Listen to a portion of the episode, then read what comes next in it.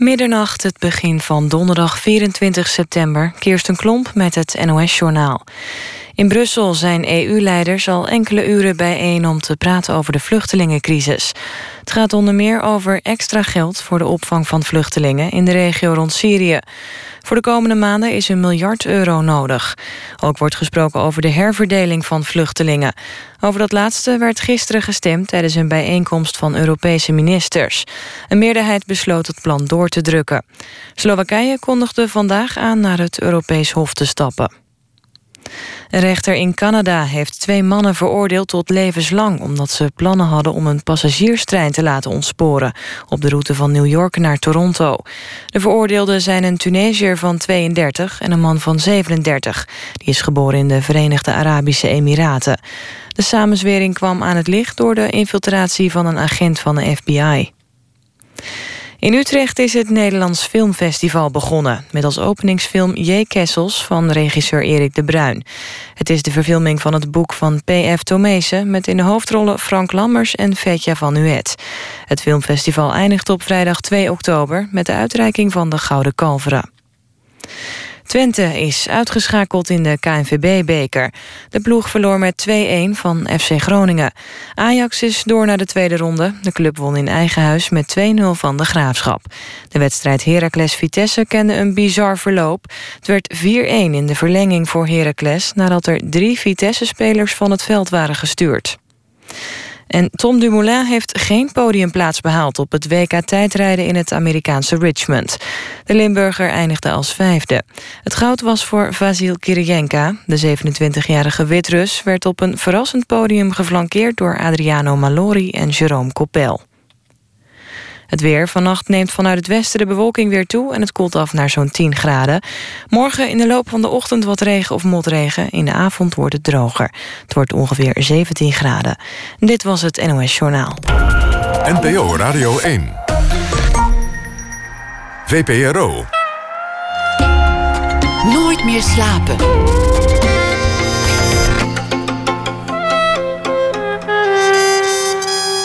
Met Pieter van der Wielen. Goedenacht en welkom bij Nooit meer slapen. Over Amy Schumer zal het gaan. Vrouw, komiek, schrijver en feministe. Een uitgever had alvast 10 miljoen euro, of dollar zelfs, over voor haar uh, nieuwe boek. De verwachtingen zijn dus hoog gespannen.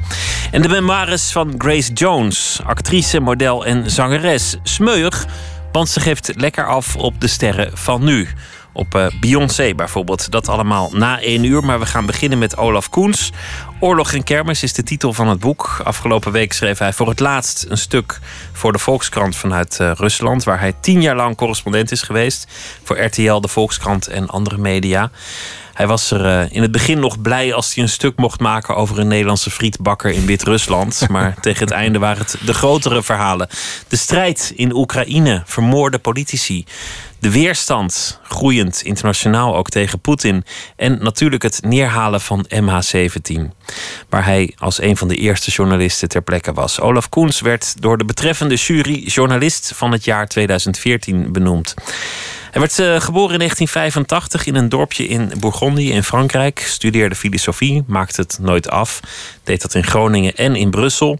En zijn volgende standplaats in, uh, als journalist zal zijn Tel Aviv. Daar begint hij over een week. Olaf Koens, hartelijk welkom. Fijn, dankjewel. Laten we, laten we gewoon maar even beginnen bij, uh, bij je geboorteplaats. Hè. Dat is Châtillon-sur-Seine in ja. Bourgondië. Hoe, wat voor dorp is dat? Uh, dat is een stadje zelfs. Dat heeft twee supermarkten en een ziekenhuis. En ik ben in het ziekenhuis geboren. Mijn ouders um, wonen daar uh, woonden daar destijds in de buurt, een heel klein dorpje. Uh, en daar ben ik geboren. En mijn ouders begrepen al snel, ja, dat was midden jaren tachtig, uh, in dat deel van Frankrijk, in dat dorpje. Ik denk dat de helft niet kon lezen of schrijven. Uh, dus mijn ouders hebben zich, uh, godzijdank, gerealiseerd dat dat niet de beste plek was voor mij om op te groeien.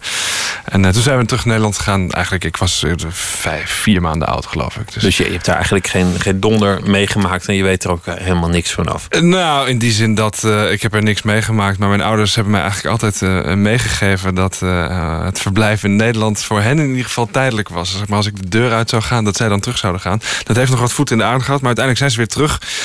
ze wonen nu inmiddels weer in het, in het huis eigenlijk waar ze toen ook woonden. Zo'n hele mooie, ja, zo'n prachtig mooi plekje in the middle of nowhere.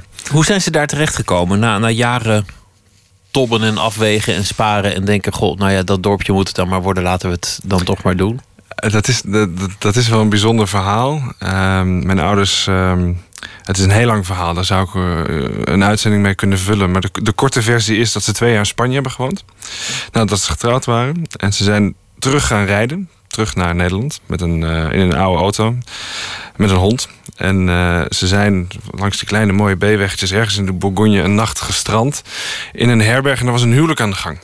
En uh, de herberg verontschuldigde zich voor dat huwelijk. Die zeiden ze: Ja, u mag hier wel slapen, maar het zal een hoop herrie zijn vanavond. Geen problemen. Dus mijn ouders zijn in bed gaan liggen, maar dat, ja, dat feest ging maar door, ging maar door. Tot mijn vader op een gegeven moment zei: Nu is het genoeg geweest. Wij gaan ook, uh, wij mengen ons in de feestvreugde. Um, dus dat is nog heel laat geworden.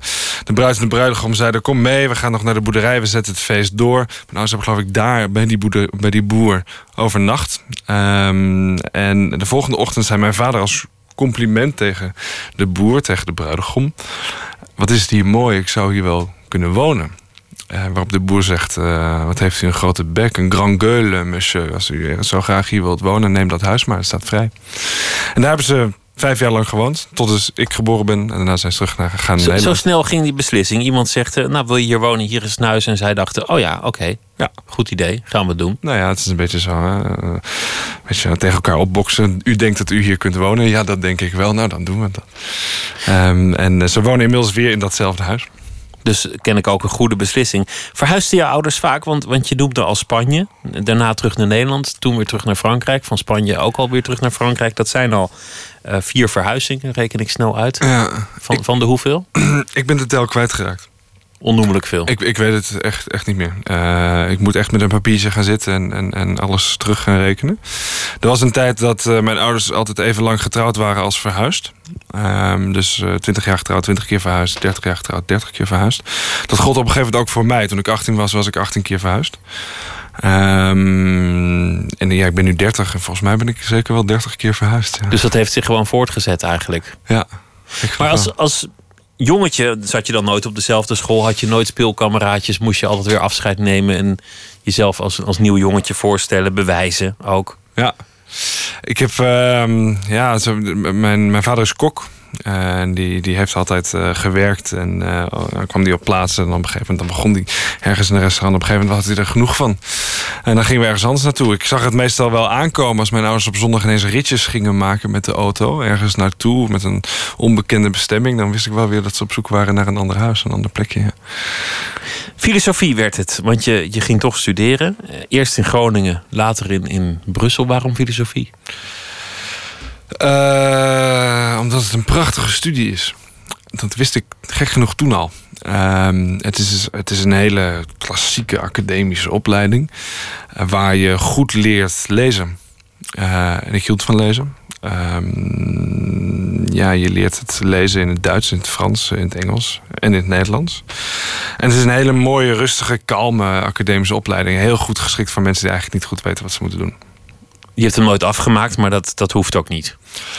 Nou, dat hoeft niet. Uh, ik was wel, uh, nou nee, dat, dat was wel netjes geweest als ik hem had afgemaakt. Was het maar omdat uh, mijn ouders een, een, flink deel daarvan nog betaald hebben.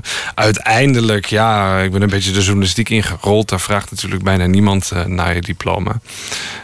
behalve Philippe Remarque, die heeft me ooit gevraagd of ik daadwerkelijk was afgestudeerd. de hoofdredacteur van de Volkskrant. Ja, toen zei ik nee, ja. toen moest hij lachen en zei ja, ik ook niet. Dus uiteindelijk heb je dat in de journalistiek denk ik niet nodig. Maar ergens, ik was, ik was een paar weken geleden was ik voor het eerst weer terug in Groningen sinds tien jaar. Um, het is toch wel een hele mooie wereld. En ergens spijt het me wel een beetje dat ik dat nooit heb afgemaakt. Aan de andere kant, ja, fuck it. Ja, nou ja, je hebt, uh, je hebt gewoon bereikt wat je bereikt hebt. En, en uh, je hebt je werk in je draai gevonden, ook, ook zonder dat, dat papiertje. Dus dat is misschien toch niet zo belangrijk uiteindelijk. Nee, nee. Je werd verliefd in Brussel op een, op een Russische. Mm -hmm. Hoe ging dat? Wat gebeurde er? Um, het, het echte verhaal is, uh, we censureren het wel eens, maar het echte verhaal is dat ik, ik had in die tijd een, uh, een relatie met een, uh, met een lesbische vrouw. Eh, en dat was een hele gekke relatie, omdat het een liefdesrelatie was die, die heel innig was, behalve seksueel. Lukte dat totaal niet.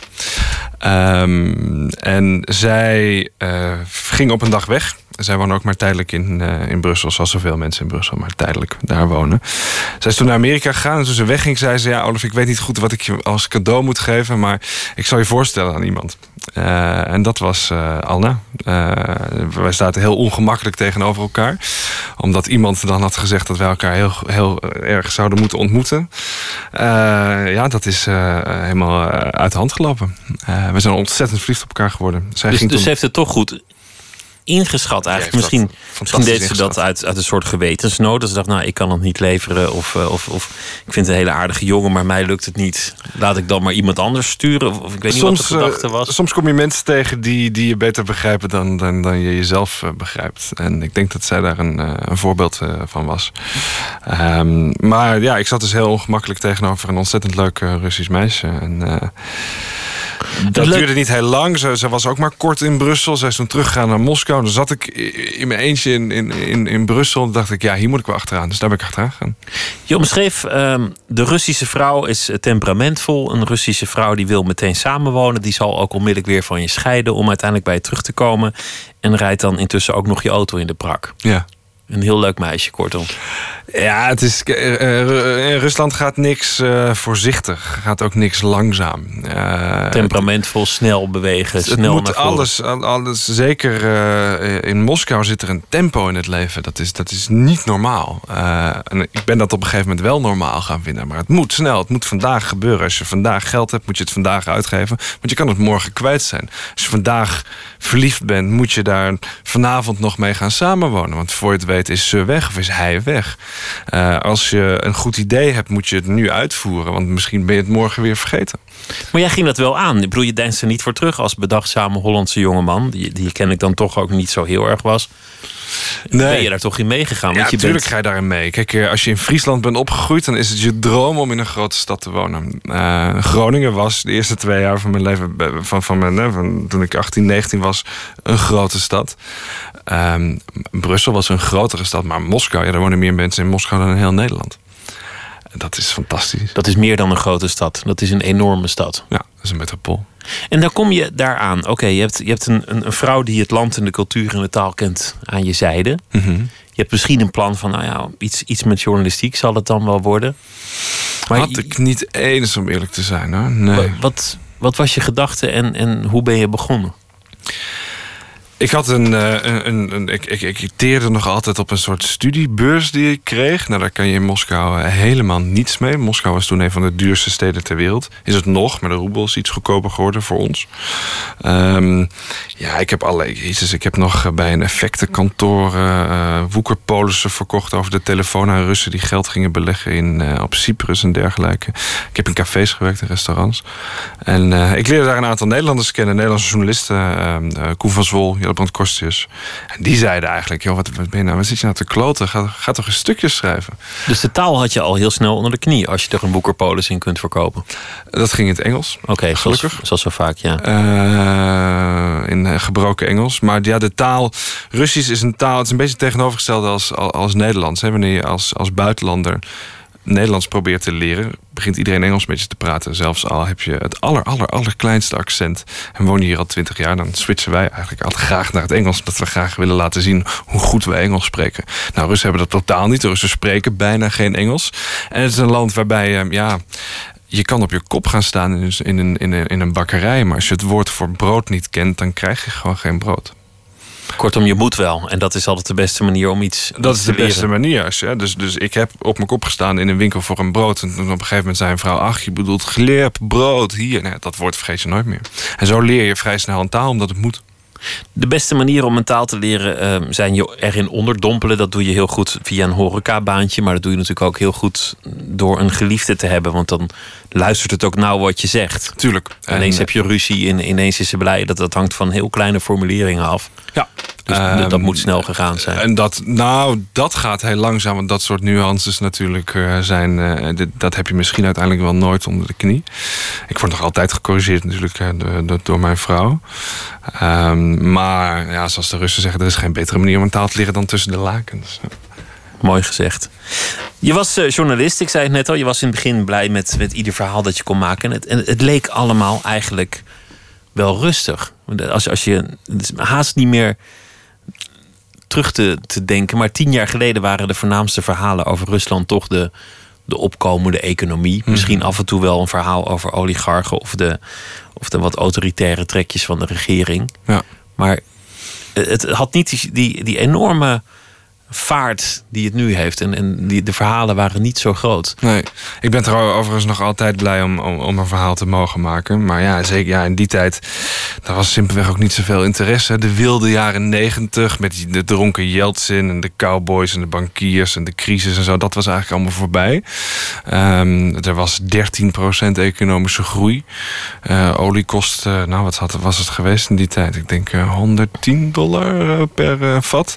Het zit nu tegen de 50, 60 aan. Ehm, ja, de bomen groeien tot aan de hemel. Moskou was een stad waar uh, meer Mercedes rondreden dan in heel Duitsland, geloof ik, op dat moment. Uh, waar, waar, je, waar, waar een rij stond bij de Bentley dealer.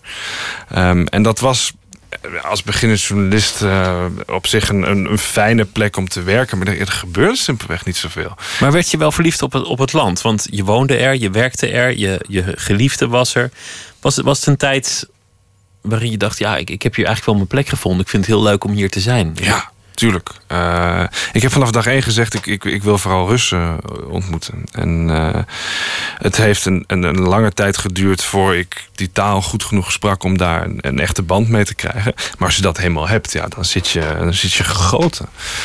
Ik heb fantastische tijden daar gehad. En wat ook heel grappig was, is dat ik die vrienden die ik aanvankelijk heb leren kennen, vaak via mijn vrouw of op een andere manier, hè, die dan met wie ik later opnieuw ben gaan praten, omdat die gesprekken die wij in de eerste twee jaar voerden, die begreep ik simpelweg niet. Dan zat ik altijd maar, mm da, da, da, da, da, da, mm -hmm, mm interessant, zei ik dan, terwijl ik het eigenlijk niet begreep. Ik, ik ben er later pas achter gekomen dat, weet ik van mijn beste vriend bleek uh, gescheiden zijn twee kinderen te hebben. En zei hij, dat heb ik je zelf verteld. En dat had ik niet begrepen. Um, maar ja, je komt in zo'n stad, je moet je weg uh, proberen te zien te vinden. En als dat uh, uiteindelijk langzaam, stapje voor stapje lukt, verover je zo Moskou een stukje. Dat was fantastisch. En wat vond je zo leuk aan het, aan het land? Want volgens mij zit die liefde voor het land er nog steeds wel. Hoewel er heel veel is gebeurd en, en daar zullen we het ook over hebben. Maar wat, wat maakt het zo'n gaaf land om te zijn en te bereizen? De, de, de, mm, het is, er valt niks te voorspellen. Uh, waar ik nog altijd moeite mee heb, uh, is in, in, Nederland zijn agenda's. Je moet hier afspraken maken. En we moeten afspraken maken over volgende week. En de week daarna en over volgende maand. Ik stond vandaag op het station in Brussel om een ticket naar, voor de Thalys eh, te kopen terug naar Amsterdam. En er stond een echtpaar voor mij. Dat was een treinreis aan het boeken voor ergens halverwege 2016. Dat bestaat niet in Rusland. Niemand plant iets zo ver vooruit. Je kan ook niet met vrienden afspreken om te zeggen... we gaan volgende week iets drinken. Nee, we gaan nu vanavond gaan we iets drinken. We gaan niet volgende week iets doen. en dat moet dan ook meteen, om, omdat je toch in het moment leeft, groots. Dat moet groots, ja. Het kan ook morgen allemaal weer voorbij zijn. Bovendien bestaat het verschil tussen weekend en week in Moskou niet, niet heel erg. Iedereen werkt hard. Dus dat, er zat zeker in die jaren zat er een beetje een element van de, van de American Dream in. als, je, als je maar hard genoeg werkte en het echt wilde, dan kon het allemaal. Ik had, ik had Russische vrienden die waren 24, 25, die de banken en zo. Dat kon allemaal. En dat kan nog steeds. Het is een land van, van best wel onbeperkte mogelijkheden. In je boek um, beschrijf je ook hoe je te werk gaat. En daar hoort in ieder geval bij dat je ook af en toe moet drinken met mensen die op je pad komen. Op uh, nou ja, de verbroedering tussen alle volkeren of de wereldvrede of dat soort uh, mooie hoogdravende termen. Nou, de drinken in Rusland gaat heel erg volgens een strikt protocol. Hè. De eerste glas op de ontmoeting. De tweede toast is op het feit dat er tussen de eerste en de tweede toast een korte tijd zit. De derde toast op de liefde. En pas vanaf de vierde toast is het een soort free-for-all. Dan mag je zelf toast gaan verzinnen. Maar het is, het is vrij strikt. En dan, dan komt de wereldvrede en uh, de, de verbroedering tussen de volkeren en, en, en je moeder. En op een gegeven moment maakt het natuurlijk helemaal niet meer uit waar je op drinkt. Nee dat heb je goed geleerd waarschijnlijk. Dat, moet wel. Dat moet je leren. Uh, al ben ik uh, vrij snel gestopt met het drinken van wodka. Ik, ik heb niets met wodka. Dat klinkt heel gek. Hoe kun je in godsnaam in Rusland leven zonder wodka te drinken? Um, maar het is een drank die je echt sloopt. Uh, Dat zie je ook als journalist als je in die dorpjes komt waar mensen zich helemaal kapot zuipen. Maar je merkt het ook. Het is een drank waar je niet. Het is niet een drankje waar je, waar je heerlijk rustig aan kunt nippen terwijl, terwijl je naar muziek luistert of zo. Het moet achterover geslagen worden. Ja, en ik, het is een drank die. Ehm, weet je, als ik, als ik een, een half fles wijn drink en dan op een gegeven moment vind ik het wel genoeg geweest. Als ik te veel bier drink, word je, jij ook, word je misselijk. En is het wel goed en dan fiets je naar huis. Wodka doet iets met je geest. Je blijft, je blijft denken dat je alles nog kan. Het lijkt ook op water, visueel gezien. Het, het lijkt sprekend op water. Je drinkt het weg als water. Het brandt een beetje. Maar het, het, het ruikt nergens naar. Het, het proeft nergens naar. Um, en rustig drinken het. Ja, kijk, ik heb in het begin dacht ik, nou oké, weet je, dan moet ik met die man, mijn schoonvader bijvoorbeeld, moet ik die vodkafles drinken we die fles leeg. Oké, goed, dan doen we dat. En dan ben ik zeven, acht shots vodka verder. Nou, dat is heel ver. En dan komt gewoon een nieuwe fles op tafel. Rustig drinken vodka tot ze erbij neervallen. En ja, daar kan je niet... Uh, ik ben daar gewoon op een gegeven moment mee opgehouden. Heel verstandig lijkt me. Voor we het gaan hebben over uh, de problemen, de wereldproblematiek en uh, alle verhalen... gaan we luisteren naar Beck. En dit is een songtekst die je aanhaalt ergens in het boek... everybody's gotta learn sometimes.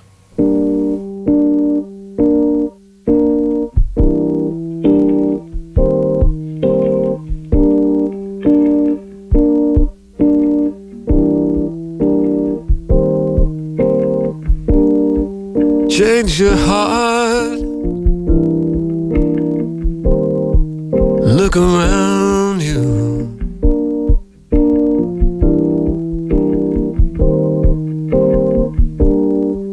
change your heart.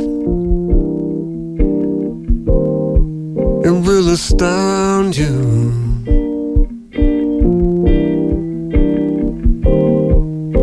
And I need your loving like the sunshine.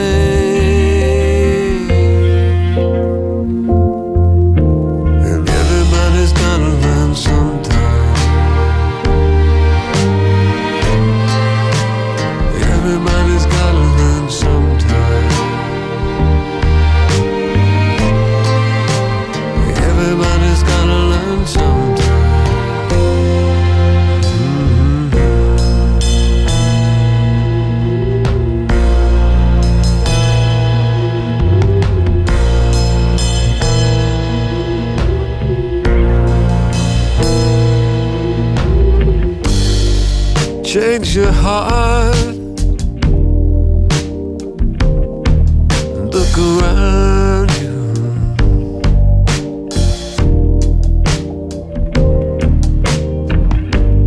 Change your heart.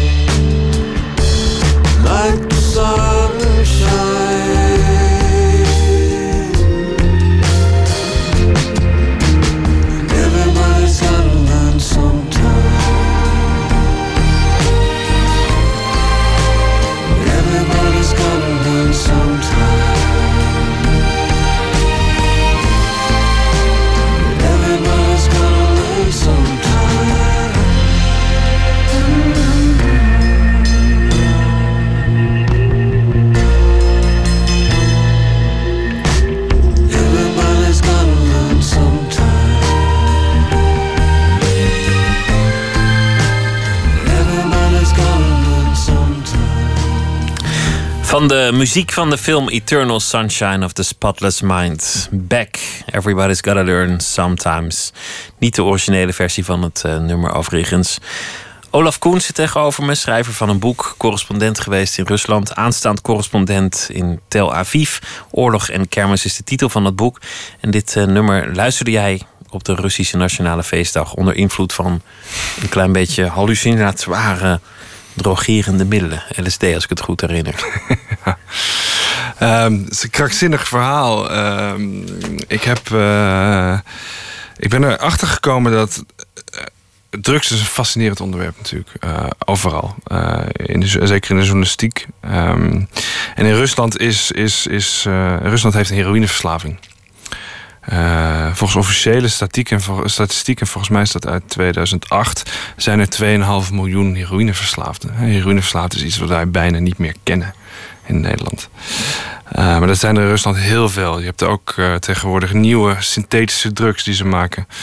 Daar ben ik heel veel mee bezig geweest. En toen, toen vroeg ik me af, wat voor drugs doen de hippe, jonge Moskouse generatie eigenlijk? Want ik zag het gewoon niet veel. Er was niet veel drugs. Of het is onbetaalbaar. En dat is echt voor managers bij, van, van Gazprom eh, voorbehouden en zo. En het is in de politiestaat allemaal vrij lastig. En toen kwam ik er ineens achter dat uh, LSD razend populair is. Omdat het, het is een, een, druppeltje. Dus je kan het overal verstoppen, je kan het overal meenemen. Geen, uh, geen hond die het ruikt, geen politieagent die het kan vinden. En daar wou ik een verhaal over maken. En toen heb ik een van mijn beste vriendinnen uitgenodigd om daar eens goed over te gaan vertellen. En voor je het weet, uh, stopt ze dat in je mond en maak je dat zelf ook mee. Een, uh, een vrij staaltje participerende journalistiek.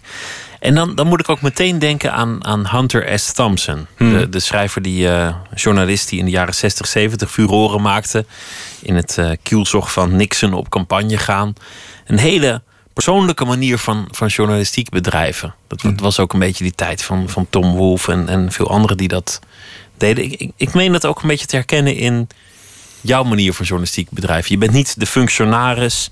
Je houdt jezelf niet uit het verhaal. Je beschrijft ook um, wat, er, wat er met jouw eigen emoties gebeurt op het moment dat je iets meemaakt. Maar alles wel uiteindelijk ten dienste van het verhaal. Het, het is geen egotrip, maar het, het, is wel een heel erg persoonlijke manier van journalistiek bedrijven. Op ja. het literaire af. Nou, daar, kan ik alleen maar uh, ja en amen tegen zeggen en, en uh, nederig bij knikken. nee, nou ik, ik, ben groot liefhebber van, van het werk van Hunter Thompson. Um, daar moet je altijd, moet je altijd een voetnootje bij, bij, bij plaatsen, omdat de meeste mensen kennen Thompson natuurlijk alleen van Fear Loading in Las Vegas. Um, waarbij, en dan is Thompson echt al uit zijn slof geschoten. En die werd op een gegeven moment onhandelbaar. Die moest in private jets dwars door Amerika worden gevlogen en dergelijke. Ik ben heel erg een groot liefhebber van het vroege werk van Thompson. Toen het nog een best wel onzekere jonge... Voor die ontspoorde. Ja, voor die ontspoorde. Voordat het een, een, een toen het nog een onzekere, uh, jonge, talentvolle man was... die bij het leger is ontslagen, toen uh, stukjes is gaan schrijven. En dus de tijd dat hij Hells Angels heeft geschreven. Dat boek over, uh, over de Hells Angels. Ja, en daar is hij erachter gekomen dat je niet over grote motoren kunt schrijven... wanneer je niet zelf achter een achter het stuur gaat zitten. Ja, dat, na, natuurlijk is dat zo. Je moet, um, je moet voelen, je moet begrijpen waar, waar iets vandaan komt. En daar, daar moet je soms in meegaan. Gewoon instappen. Aan. Gewoon instappen. Je moet mee, je moet het voelen. Je moet met de mensen mee. Je moet niet... Ik, ik heb een ontzettende hekel altijd gehad aan, aan een vorm van journalistiek... waarbij je zo bovenop een soort ivoren toren naar beneden kijkt... om, om te beschrijven wat er gebeurt. Als Zeker. de alwetende vertellen. Maar je zegt er zit een grens aan. Is die, is die te definiëren of, of moet je dat aanvoelen? Nou, zeker in een oorlog mag je niet vechten. Niet schieten. Ja, niet schieten. Uh, geen wapen vastpakken. Lijkt me ook niet verstandig trouwens. Nee, natuurlijk niet. Maar uh, er, zit, uh, er zijn mensen die. die voor sommige mensen is, is die grens helemaal niet duidelijk. Um, ja, er zijn wel meer dingen. Kijk, uh, ik heb ook uh, heel veel stukken geschreven inderdaad over heroïneverslaving of over die uh, synthetische Chinese drugs.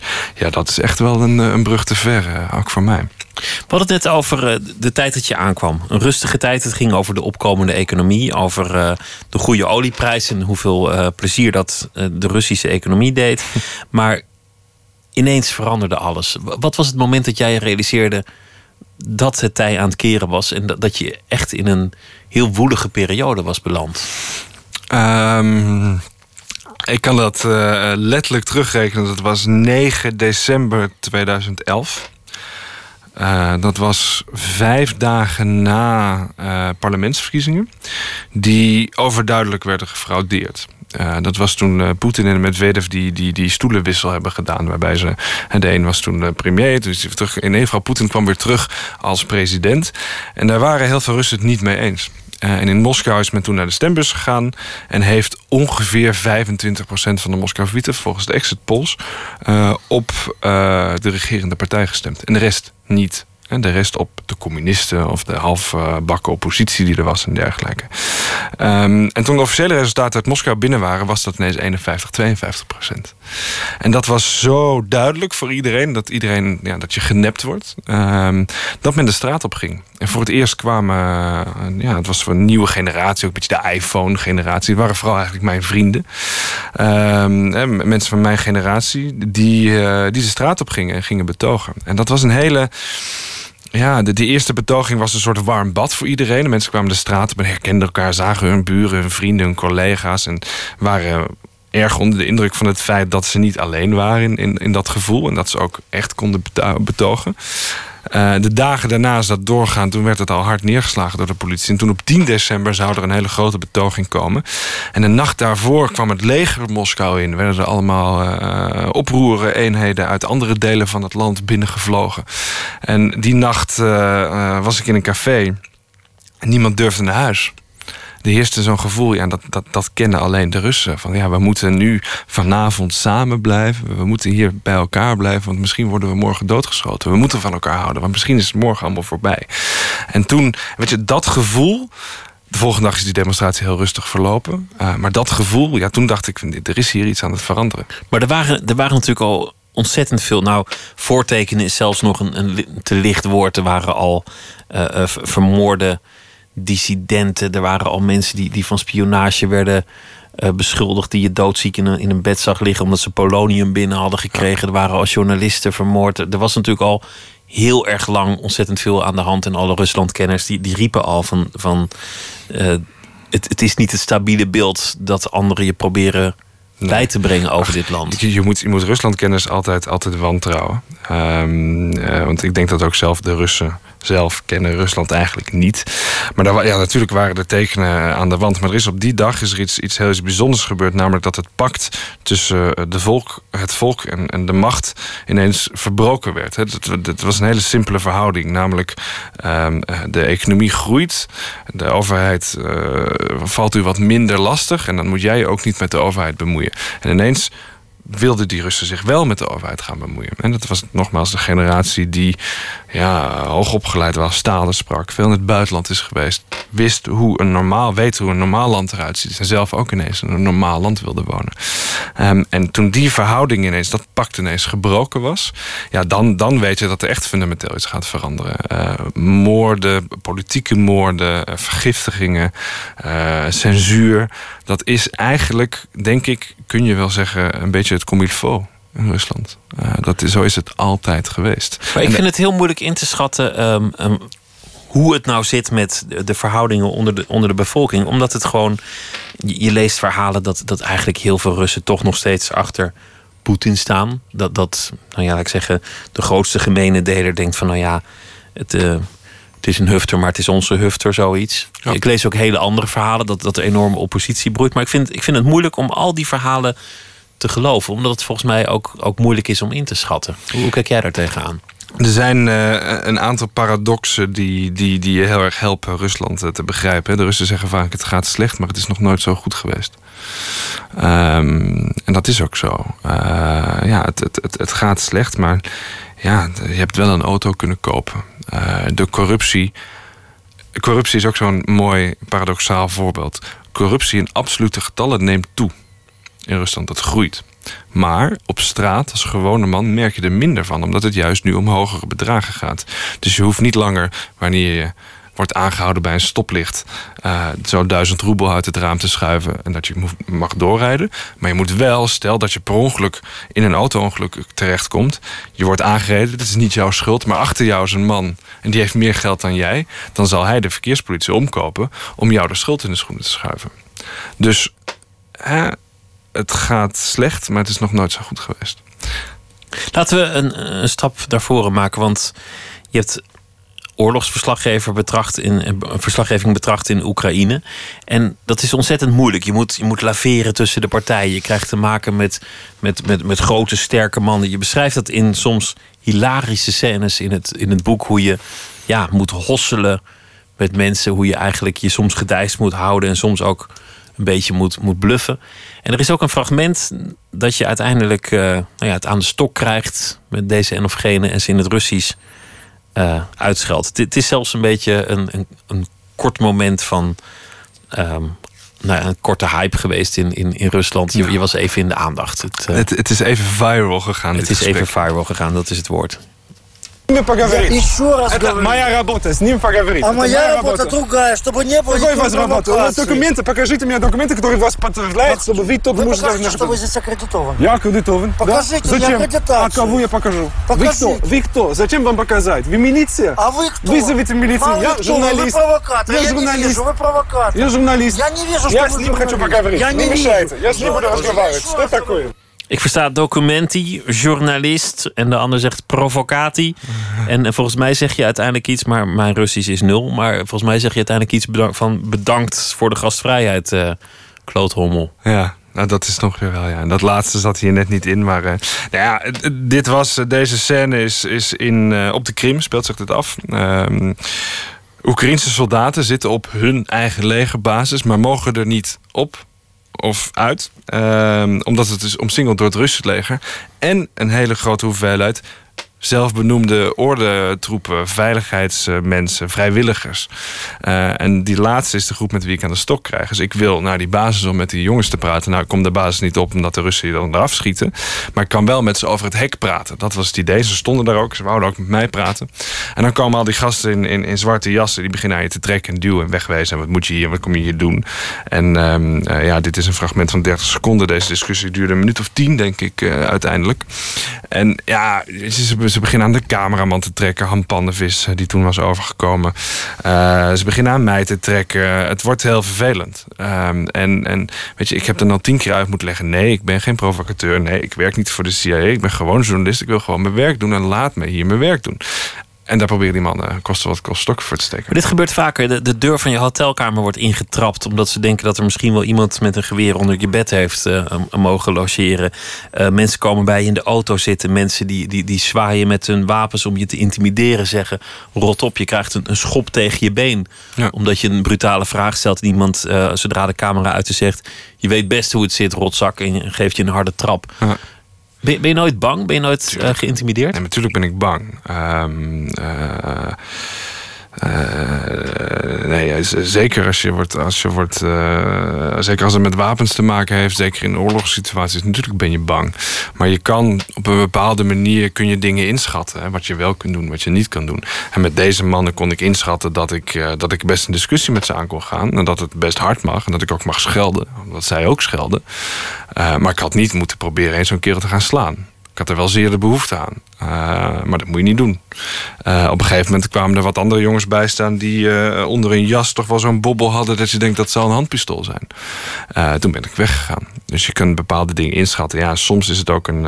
weet je, ik heb wel eens in Moskou bij, bij die betogingen... die dus in, in 2011, eh, 2012, waar we het eerder net over hadden... ik wel eens meegemaakt dat... ik was met een, een- een collega van mij een eh, hele leuke, jonge, sympathieke dame. Die werkte toen voor The Guardian, Miriam Elder. En die, die, zei zo, die was met haar haar in het draaien. En die zei tegen de oproeragenten van... Ik, mag, ik ben van de pers, ik mag er toch wel langs? Ja, natuurlijk, mevrouw, zegt hij. Dus zo wordt er langs gelaten. En ik zeg, ik hoor er ook bij. En die kerel zegt, jij ook? Ik zeg, ja, ik ben ook van de pers. Baf, die geeft me een stomp zo in mijn, in in mijn, in mijn maag. En als eerste reactie sla ik hem terug. En dat is, eh, daarvoor kun je een strafkamp beëindigen. Het, het, het, eh, als ze willen zou je ja, dan, dan eh, geweld gebruiken tegen een agent in Rusland is strafbaar eh, voor behoorlijk lang. Maar dat was ineens een soort een, een, een vorm van begrip tussen mij en die grote oproeragent. die kerel keek me aan en die zei: eh "Maar je bent wel een kerel, je mag wel doorlopen. Dus is dat in de kant. En Dat is natuurlijk ook belangrijk. dat ook. ja.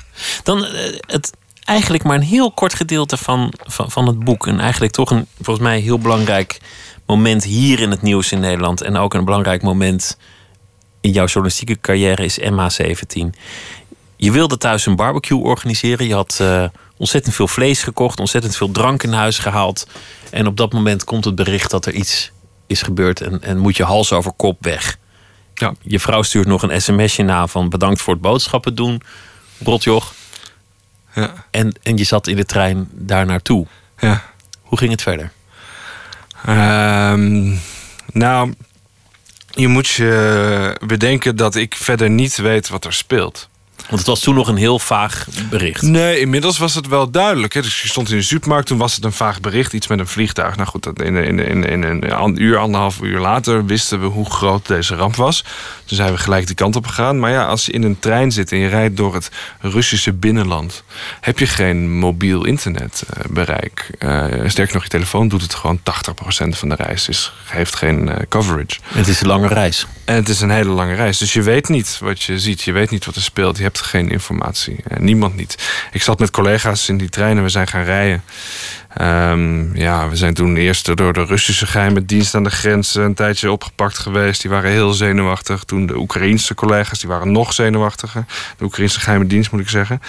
Um, uiteindelijk zijn we in een auto gestapt en, en, gaan rijden. Rijden, rijden, rijden, rijden, rijden, rijden. Dat duurde, uh, die rit duurde denk ik twaalf uh, uur voordat we daar kwamen. Dan kom je daar, dan is het nacht. Misschien is dat eigenlijk een geluk geweest voor je.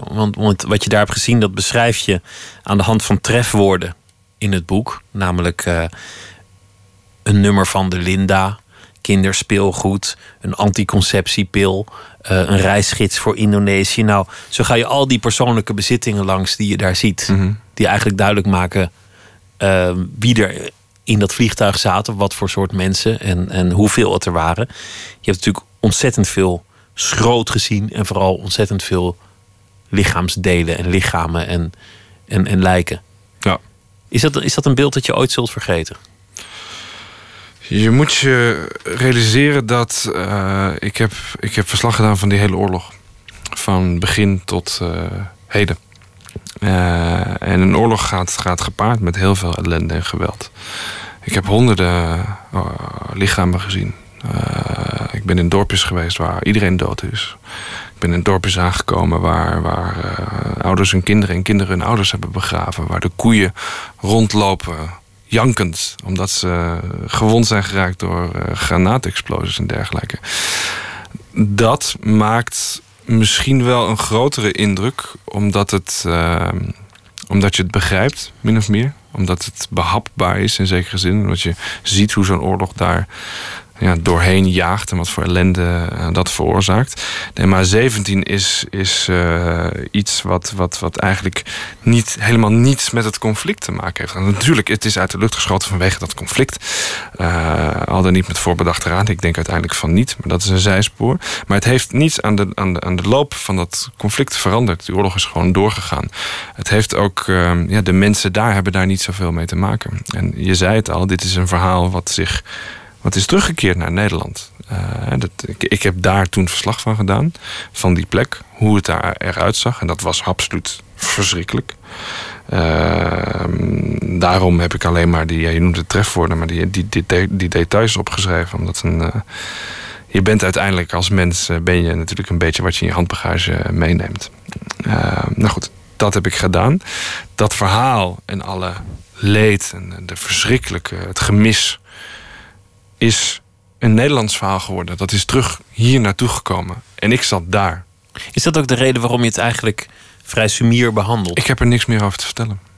Dat is het. Heeft het, heeft het geen invloed gehad? Want de, de verontwaardiging internationaal was gigantisch.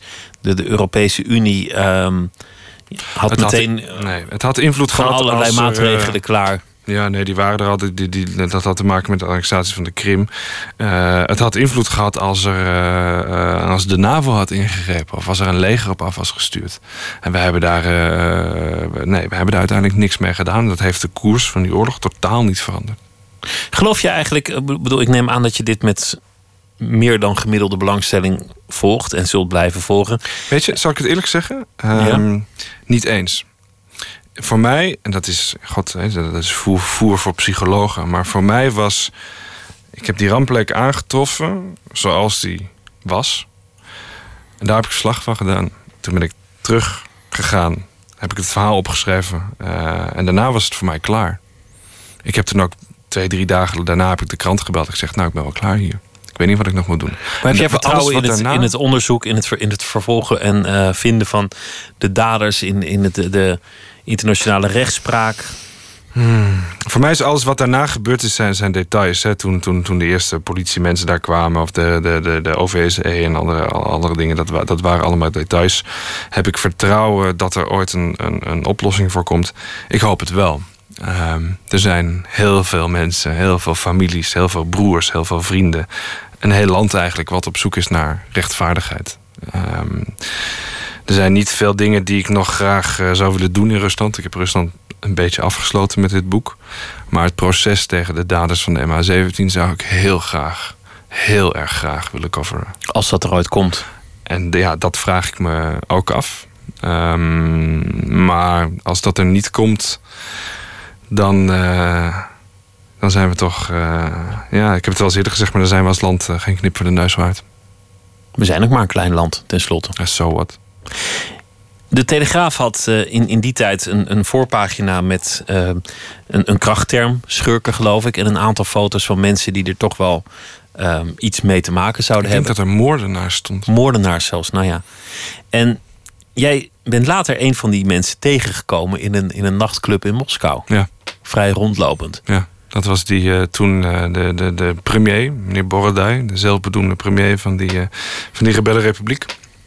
Ja, die is eh, daar destijds eh, door Moskou naartoe gestuurd. Hij werkte voor de geheime diensten eh, voor die tijd. Was een typische figuur die een beetje voor de geheime dienst werkt, nog een zakenbelangen heeft, eh, heel media savvy is. Die is daar naartoe gestuurd om daar dat, dat te organiseren. Nou, die was premier, eh rebellenpremier tijdens, eh, tijdens het neerhalen van MH17. Ehm, hij is later teruggekeerd naar Moskou, hij is teruggehaald. Ja, die man heeft gewoon zijn oude leventje weer opgepakt. Die eh, gaat, loopt rustig langs. eh, die, die, zie- in de betere cafés en restaurants van Moskou. Die heeft zijn, geloof ik, zijn zaakimperium weer een beetje opgestart. Doet wat deals hier en daar. Maakt zich in ieder geval helemaal nergens zorgen over. Ehm, ook dat alleen al is, is, vind ik al vrij eh, zorgwekkend. Het was een, een hele vreemde ervaring, omdat we. Ik had afgesproken in dat café waar ik later hem tegenkwam met een van mijn beste vrienden, een Russische verslaggever, Pavel Kanigin, die juist daarvoor in dat gebied in Oost-Oekraïne heel erg hard in elkaar geslagen is. En we kwamen eigenlijk met alle collega's en vrienden samen om hem een beetje een hart onder de riem te steken. En die Borodai die liep daar voorbij. Dus die is toen naar binnen gehaald. Ik stond buiten en ik zag hem binnenkomen. Ik sta met een collega van de New York Times te praten. Ik zie die man binnenkomen en hij zegt tegen mij... ah, bekend gezicht. En ik zeg, ja, u heeft ook een bekend gezicht. En hij ging naar binnen. Ik gaf hem een handje. Eh, en ik zeg tegen die collega van de New York Times... van, hé, hey, dat was toch die, eh, die assistent van die, van die Borodai? En die collega van mij zegt: Nee, man, dat is Borodai zelf. Ja, wat moet je dan? Kijk, ik heb, ik, we hebben ook, eh, ik heb ook zitten denken: Oké, dan, dan slaan we hem knock-out met een fles drank. En dan rijden we hem in een taxi naar de Nederlandse ambassade. Dan flikkeren we hem over het hek heen of zo. Eh, maar dat kan ook niet. Nee, lijkt me niet. Eh, dus het enige wat ik heb kunnen doen is: ik heb met hem gepraat.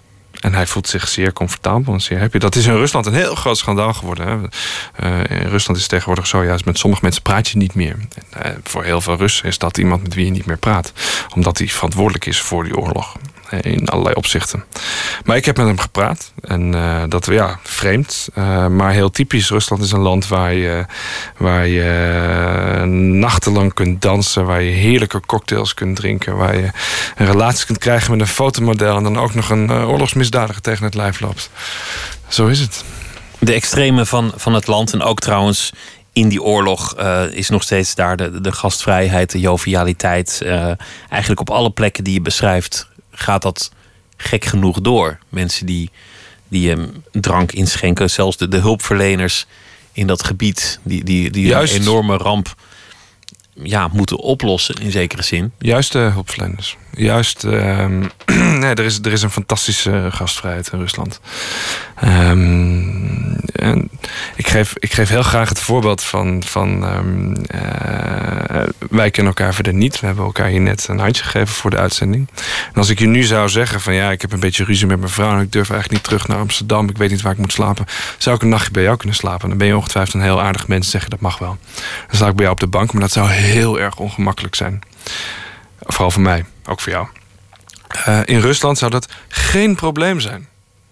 In Rusland wordt er van je verwacht dat je meekomt. In Rusland wordt er van je verwacht als je. Ja, weet je, al die reizen die ik heb gemaakt. Zit je in een trein, zit je naast iemand die komt uit Vladivostok.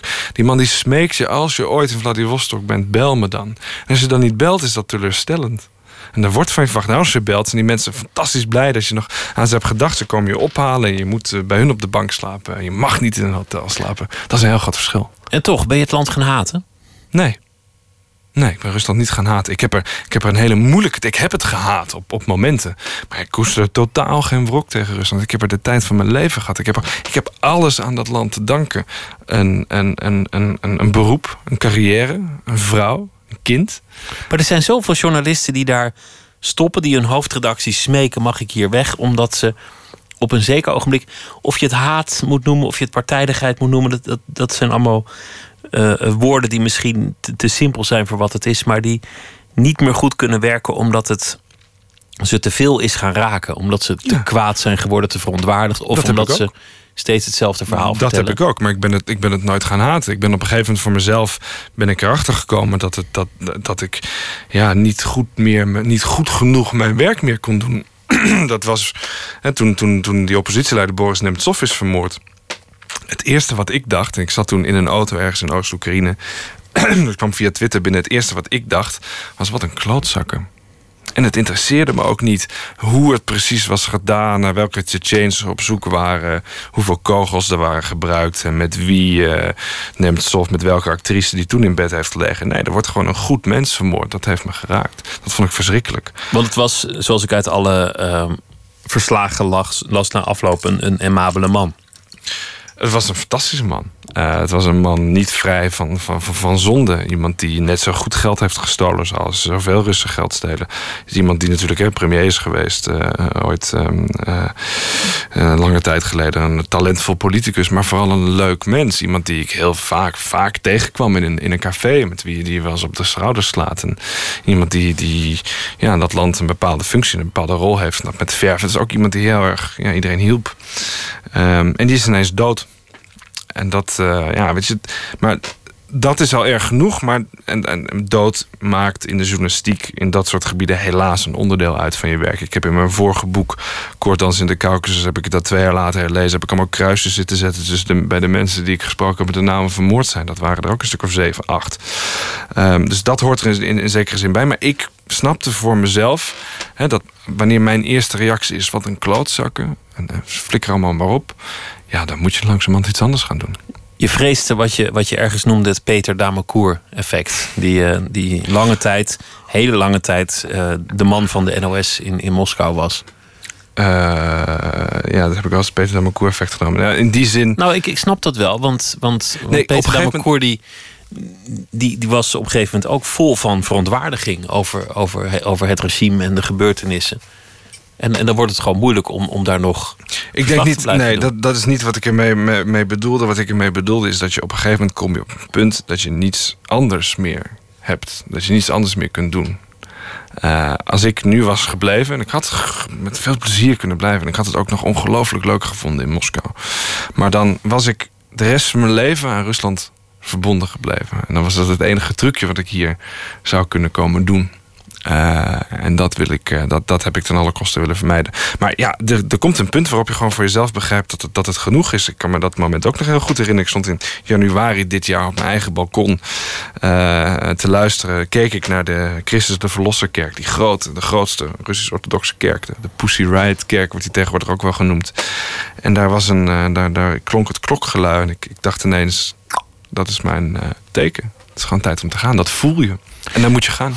Je gaat naar Tel Aviv, het Midden-Oosten, Israël. Je, ehm, je hebt je vrouw meegekregen. Mhm. Ehm, je, je hebt een kantoor, je hebt eh, eh, een plek waar je gaat wonen. Je hebt je ongetwijfeld ingelezen.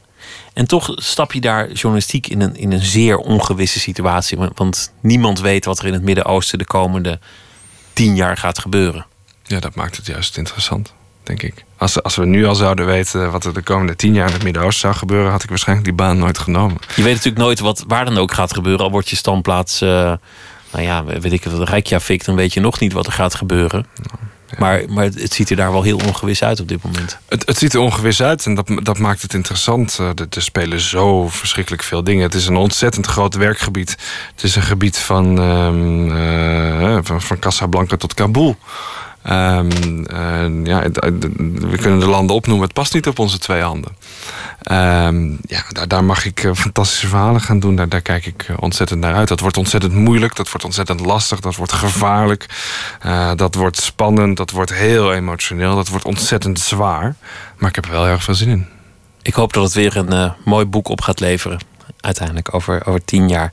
Olaf Koens, dank je wel dat je te gast wilde zijn. Heel veel succes met alles wat je gaat doen eh, al ik, daar. hoop, ik hoop wel eerder dan over tien jaar. Nou ja, dit boek was, kwam na tien jaar. Dat eh, heb je zelf in de hand. Oorlog in Kermis is eh, de titel van het boek. Dank dat je te gast wilde zijn. We gaan luisteren naar Liz Wright. Een van de koninginnen van de hedendaagse soul- en gospelmuziek. Met het nummer The Game.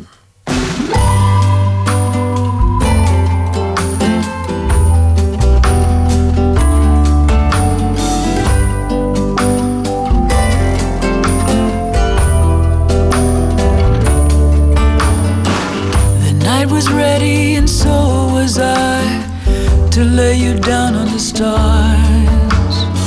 But I'm awake in a lonely light, with a hole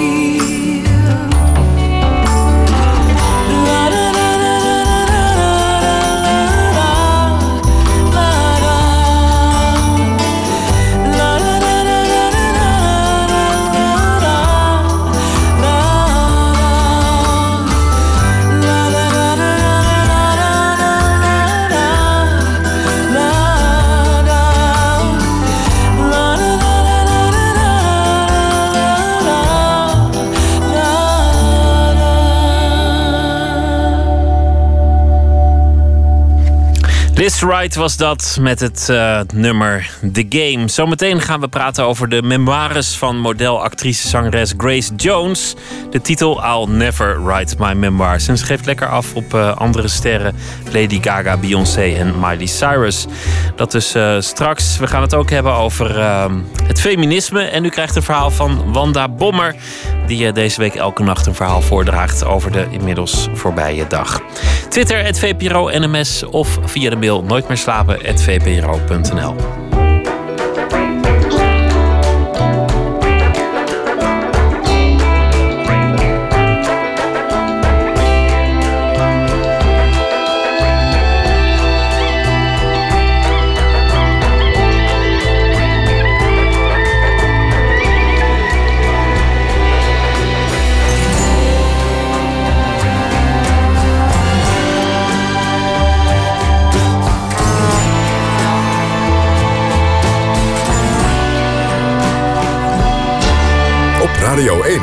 Het nieuws van alle kanten.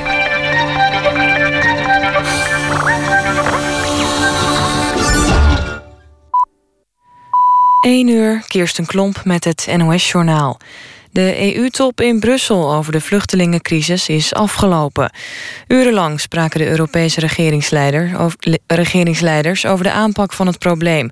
Wat er concreet is besloten is nog niet bekendgemaakt. Er is onder meer gesproken over de opvang van vluchtelingen in de regio rond Syrië. Ook is er gepraat over de herverdeling van vluchtelingen. Dinsdag besloten Europese ministers dat plan door te drukken. Slowakije kondigde gisteren aan naar het Europees Hof te stappen. De regering van Colombia heeft een akkoord gesloten met de rebellenbeweging FARC. Het is nog geen definitieve wapenstilstand, maar waarnemers noemen de deelovereenkomst een belangrijke doorbraak. De partijen hebben onder meer afgesproken dat er een waarheidscommissie komt en dat slachtoffers van de burgeroorlog een schadevergoeding krijgen. Rebellen die een bekentenis afleggen over wat ze hebben gedaan en beloven om niet meer te vechten, kunnen strafvermindering krijgen. De president van Colombia denkt dat ze binnen een half jaar een definitief vredesakkoord kunnen sluiten. In Canada zijn twee mannen veroordeeld tot levenslang... omdat ze plannen hadden om een passagierstrein te laten ontsporen... van New York naar Toronto. De veroordeelden zijn een Tunesiër van 32 en een man van 37... uit de Verenigde Arabische Emiraten. De samenzwering kwam aan het licht door de infiltratie van een agent van de FBI. FC Groningen heeft Twente uitgeschakeld in de tweede ronde van het KNVB-bekertoernooi. De titelhouder won thuis met 2-1 van de club uit Enschede. Ook Ajax is door naar de tweede ronde. De Amsterdammers wonnen van de Graafschap met 2-0. De wedstrijd Heracles-Vitesse kende een bizar verloop. Het werd 4-1 in de verlenging voor Heracles...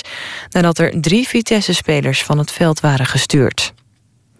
Het weer vannacht neemt vanuit het westen de bewolking weer toe... en het koelt af naar zo'n 10 graden. Morgen in de loop van de ochtend wat regen of motregen. In de avond wordt het droger. Het wordt ongeveer 17 graden. Dit was het NOS Journaal. NPO Radio 1. VPRO. Nooit meer slapen.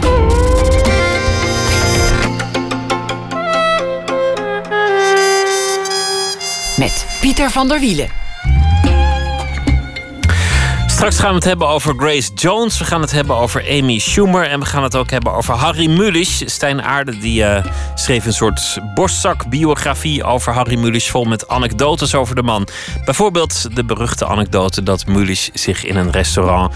elke dag uh, 15 keer denkbeeldig zou laten opbellen... dat de ober zou roepen telefoon voor de heer Mulisch. Dat is ook meteen de titel van het uh, boek. We beginnen met Wanda Bommer. Die zal deze week elke nacht een verhaal voordragen over de voorbije dag schreef uh, meerdere romans. Boom, Engel, Panorama West, De Bijvangst. Goedenacht, Wanda. Hey, goedenavond weer. Weer een dag voorbij. Wat, uh, ja.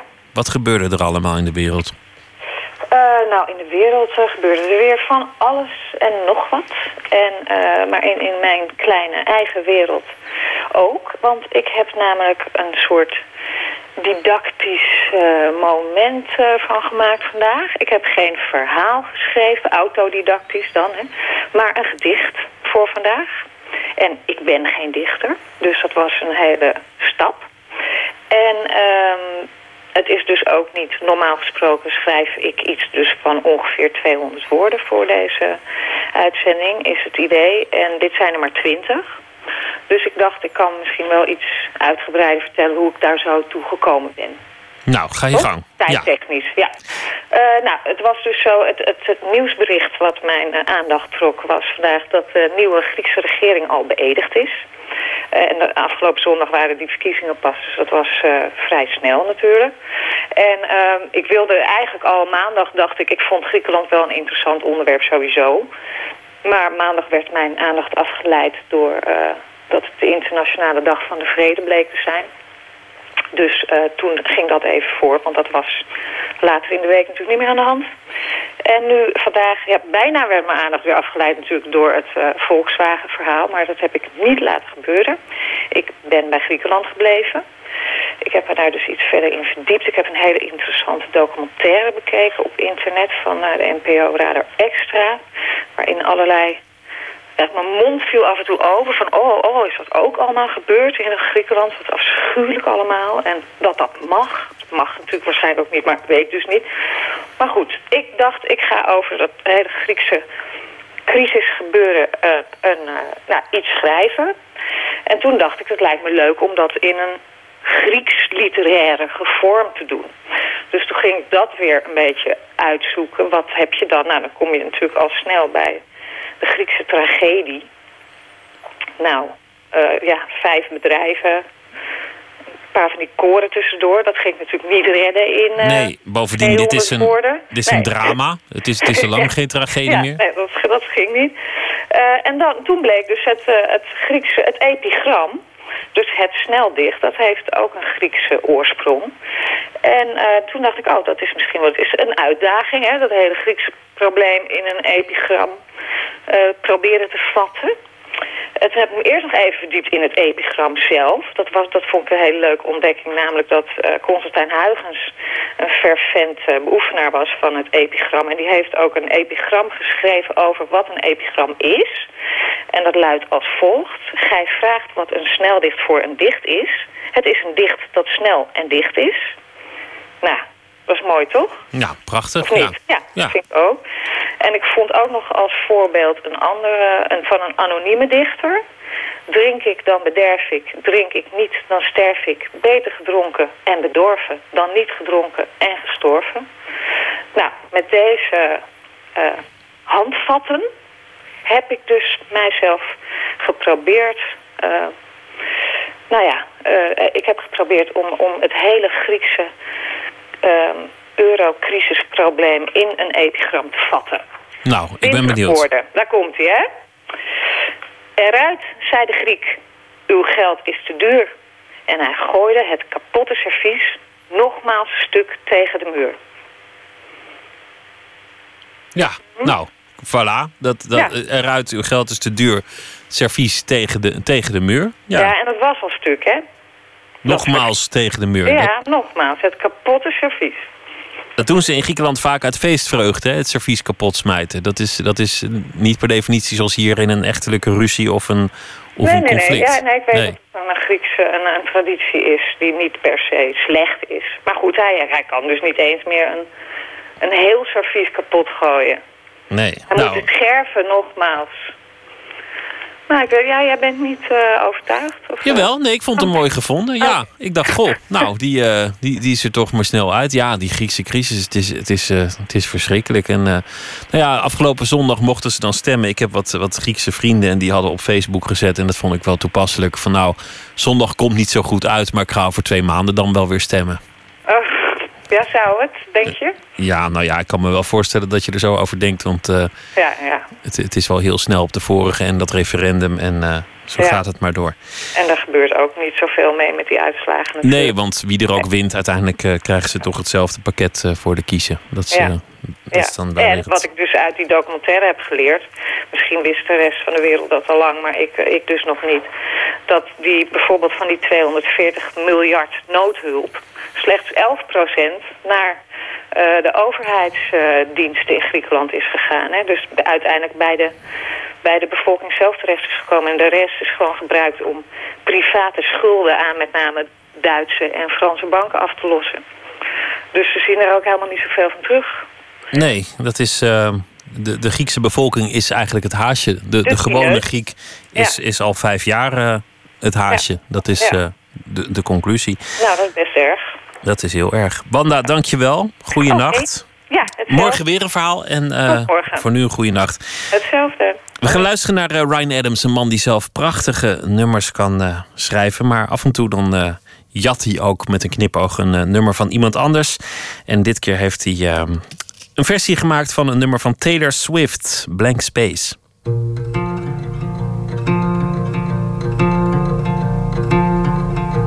Nice to meet you, baby. I can show you incredible things magic, madness, heaven, and sin. Saw you there and I thought, oh my god, look at that face. You look like my next mistake. Love's a game, do you wanna play? You money, tie. I can read you like a magazine. Ain't it funny? Rumors fly, and I know you heard about me. So hey, let's be friends. Time to see how this one ends. Wrap your passport in my head. So it's gonna be forever. Or it's gonna go down in flames. You can tell me when it's over the was worth the pain. Got a long list of ex-lovers who'll tell you I'm insane. You know I love the players, you love the games. So goddamn reckless. We'll take this way too far, you breathless or with a nasty scar. Got a long list of ex-lovers to tell you I'm insane, like on a blank space, baby, and I'll write your name.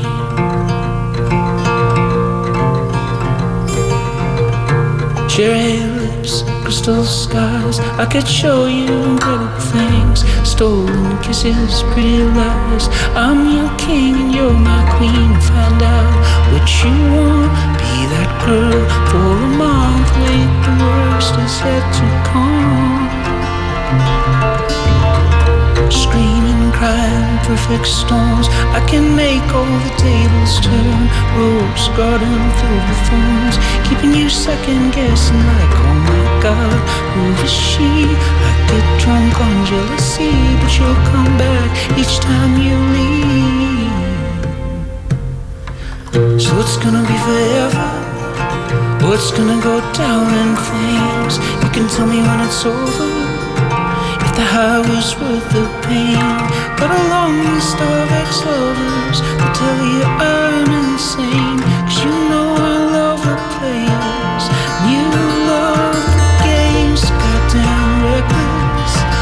take this way too far, leave you breathless.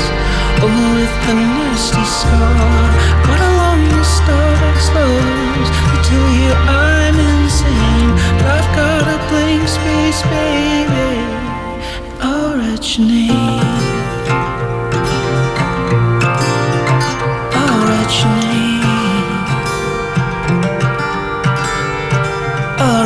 name.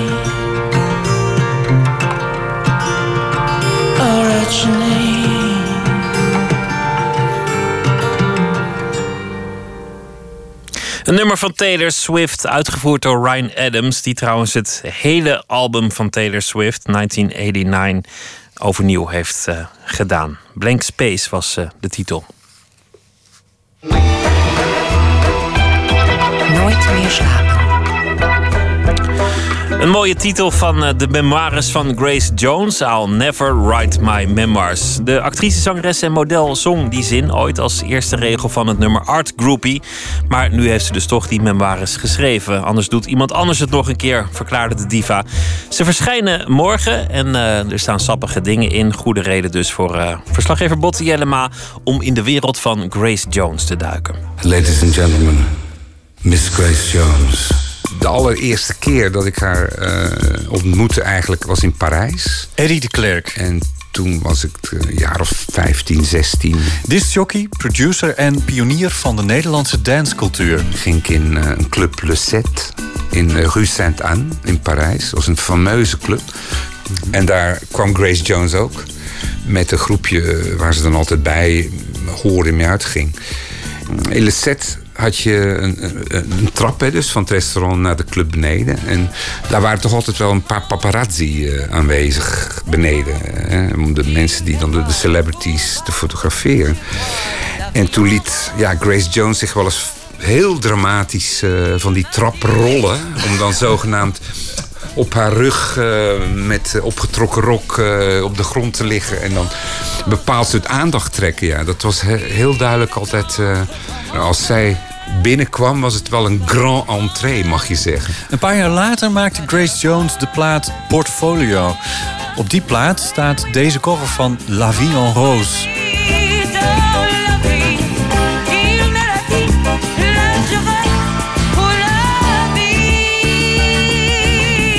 De rand van 1977 en 78 maken we in Nederland kennis met Grace Jones. Wanneer deze plaat vijf weken in de top 40 staat.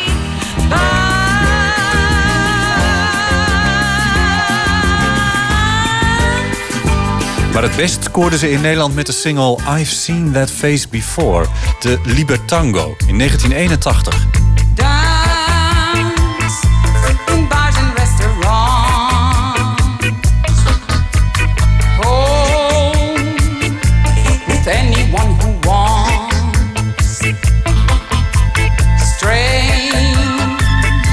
Was enkele jaren later mede-eigenaar en creatief directeur van de fameuze Amsterdamse club Roxy. In die rol ontmoette hij Grace Jones nog een keer. Vlak voor de Roxy openging, eh kregen we een aanbod om een concert van haar eh, te organiseren. Maar ik moet je eerlijk zeggen dat eh, voor mij wel een van de grootste nachtmerries was die ik ooit in de Roxy heb meegemaakt. Want de vrouw was onmogelijk om mee te werken. Echt compleet onrealistisch en super, super diva. Echt verschrikking. Vertel, vertel. Ja. Nou ja, kijk, we kregen vooraf een. eh, toen het contract helemaal getekend was, kregen we een, een eh, technische rider. En een. eh, wat ze dan een, ja, een, soort privé-rider noemen. De, de, de verlanglijst. De verlanglijst van wat mevrouw eh, Jones eh, nodig had en wat ze wilde. En dat varieerde dus van eh kristal champagne. Wat toen de tijd niet in Nederland verkocht was of werd. Tot ja, een, een eh, ophalen aan de gracht. Want, want de single, ja, Roxy lag aan het single aan de gracht. En er moest een, een privébootje komen van het Amstel Hotel naar de Roxy. En dat moest dan met de rode loper worden verbonden met elkaar. Want ze wilde absoluut niet eh, dat er modder op haar eh, boots kwamen. Afijn, je noemt het maar op. En op het moment van optreden eh, was Grace Jones dus ook niet aanspreekbaar. Dat heeft uiteindelijk eh, twee uur geduurd voor ze überhaupt de kleedkamer uit wilde komen. Maar ze liep in plaats van naar het podium, liep ze naar de nok van het gebouw. En ging daar op een klein balkonnetje een paar nummers st- staan schreeuwen naar beneden. Ik vond het een hele bizarre ervaring. Grace Jones had in de jaren daaraan voorafgaand een aantal wereldhits gehad. Pull Up to the Bumper 1981.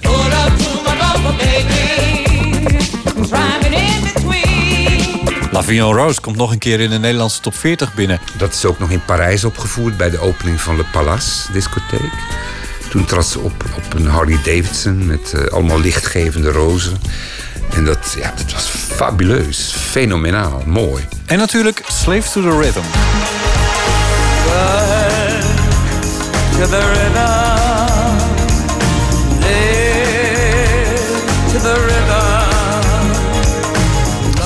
Nooit een echte zangeres geweest.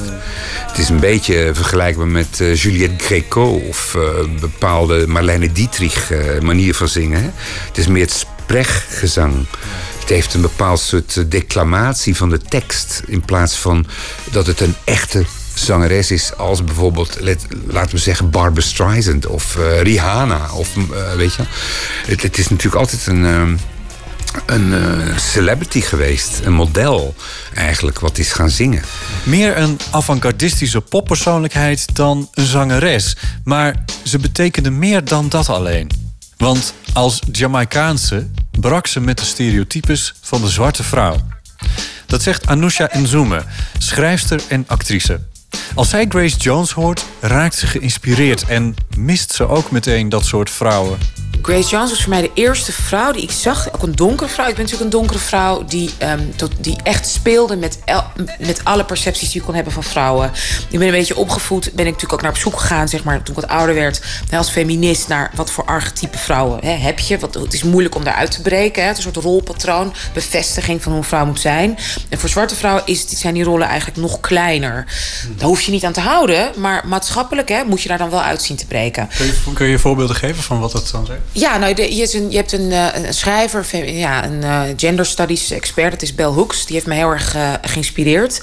En zij schrijft dat als je gewoon kijkt naar de maatschappij, hè, dus wat de maatschappij zwarte vrouwen oplicht, zijn een beetje drie archetypes. Dat is de big black mama, het moederlijke figuur. Nou, komt natuurlijk ook uit de slavernijtijd. Zorgen voor andermans kinderen, voor witte kinderen, maar niet voor je eigen kinderen. Je hebt de, de, de, de, de oversexualized vamp. Hè, de over, de sexy, gevaarlijke vrouw die mannen kapot maakt en ook slecht eigenlijk is. Je hebt de, de, de, weet je, de, de harde intellectuele, hè, de, de, zo'n soort bitchy, bozige intellectuele vrouw die met, met een brilletje op en dreadlocks die altijd kwaad is. Die altijd Dat is tegen alles grappig, hier heb ik er meteen beelden bij, inderdaad. ja, hè? Nou, precies. Ik ook. We hebben hier meteen beelden bij. Dus ik ben daar niet... Ik ben zeker niet door mijn moeder zo opgevoed of door mijn familie. Maar ik snap het maatschappelijk wel.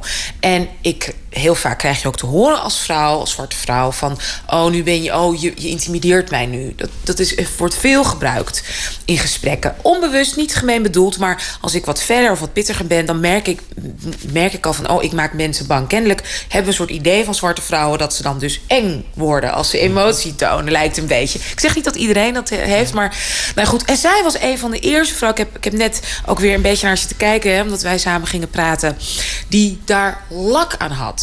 En daar succes notabene mee creëerde. And here's wacky singer Grace Jones causing a scene on a British chat show.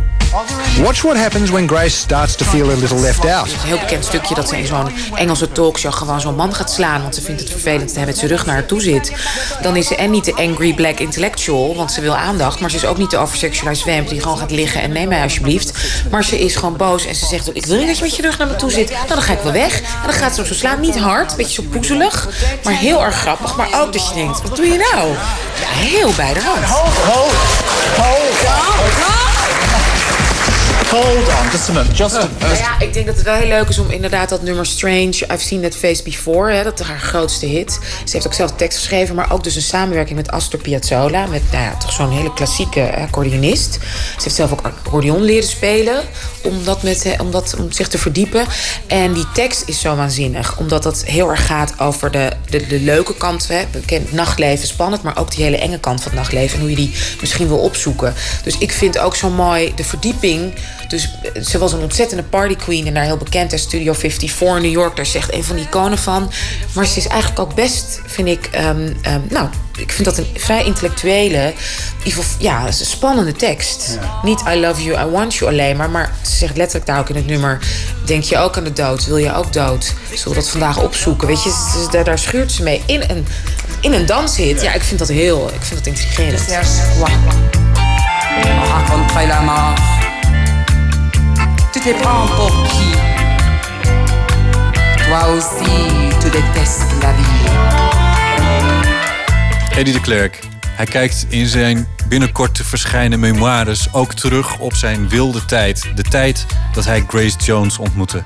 Je moet natuurlijk niet vergeten dat die tijd eh, ook heel exuberant, heel uitbundig was. Waarin eigenlijk geen remmingen bestonden. Ik bedoel, eh, zij trad op in Studio 54 in een kooi. Naakt, als een tijger zat ze in een kooi. Met alleen een hele kleine G-string aan, weet je. Wat toen vrij eigenlijk, ja, wel bizar was en bijzonder, maar er waren ergere dingen dan dat. Ik bedoel, dat was niet een van de ergste. Maar ze had wel zo'n wilde ehm, performance en zo'n bizarre uitstraling dat je moest echt naar Grace Jones om haar uitstraling, haar persoon. Het was geen makkelijke tante, dat kan ik wel zeggen.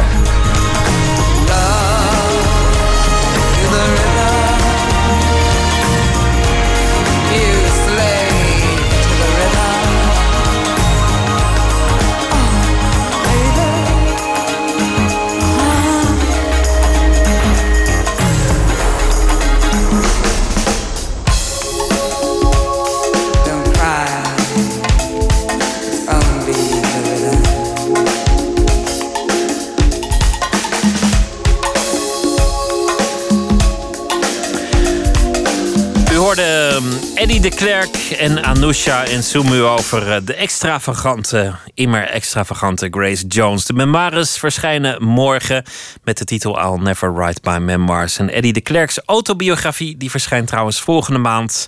En hij eh, zal ook binnenkort te gast zijn in dit programma. Muziek uit IJsland. De jonge singer-songwriter Asgaar Trausti ook wel kortweg Asgaar genoemd. Hij uh, schrijft zijn muziek in het IJslands. En uh, pas in 2013 maakte hij een keer een Engelstalig album. En daarop vonden we het volgende nummer In the Silence.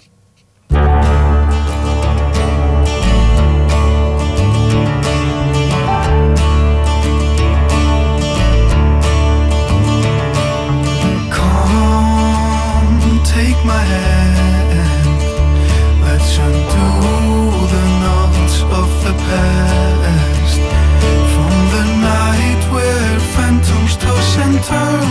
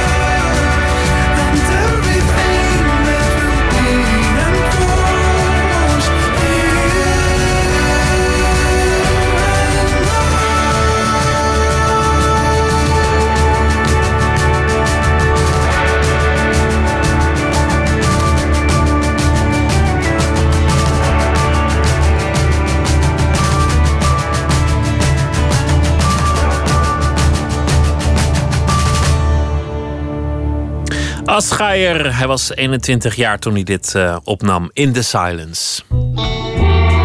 Nooit meer slapen. Het was eh, nieuws vandaag. Actrice en scenariste Amy Schumer heeft een uitgever gevonden voor haar boek. Dat is op zich nog niet zo opmerkelijk. Het bedrag is wel nieuwswaardig. Tussen de 8 en 10 miljoen dollar is betaald voor de uitgeverrechten van dit eh, nieuwe boek. Schumer is al jaren schrijver van televisieseries. Ze won nog een Emmy Award voor haar werk aan de serie Inside Amy Schumer. En zij eh, wordt gezien als een van de nieuwe exponenten van het moderne feminisme.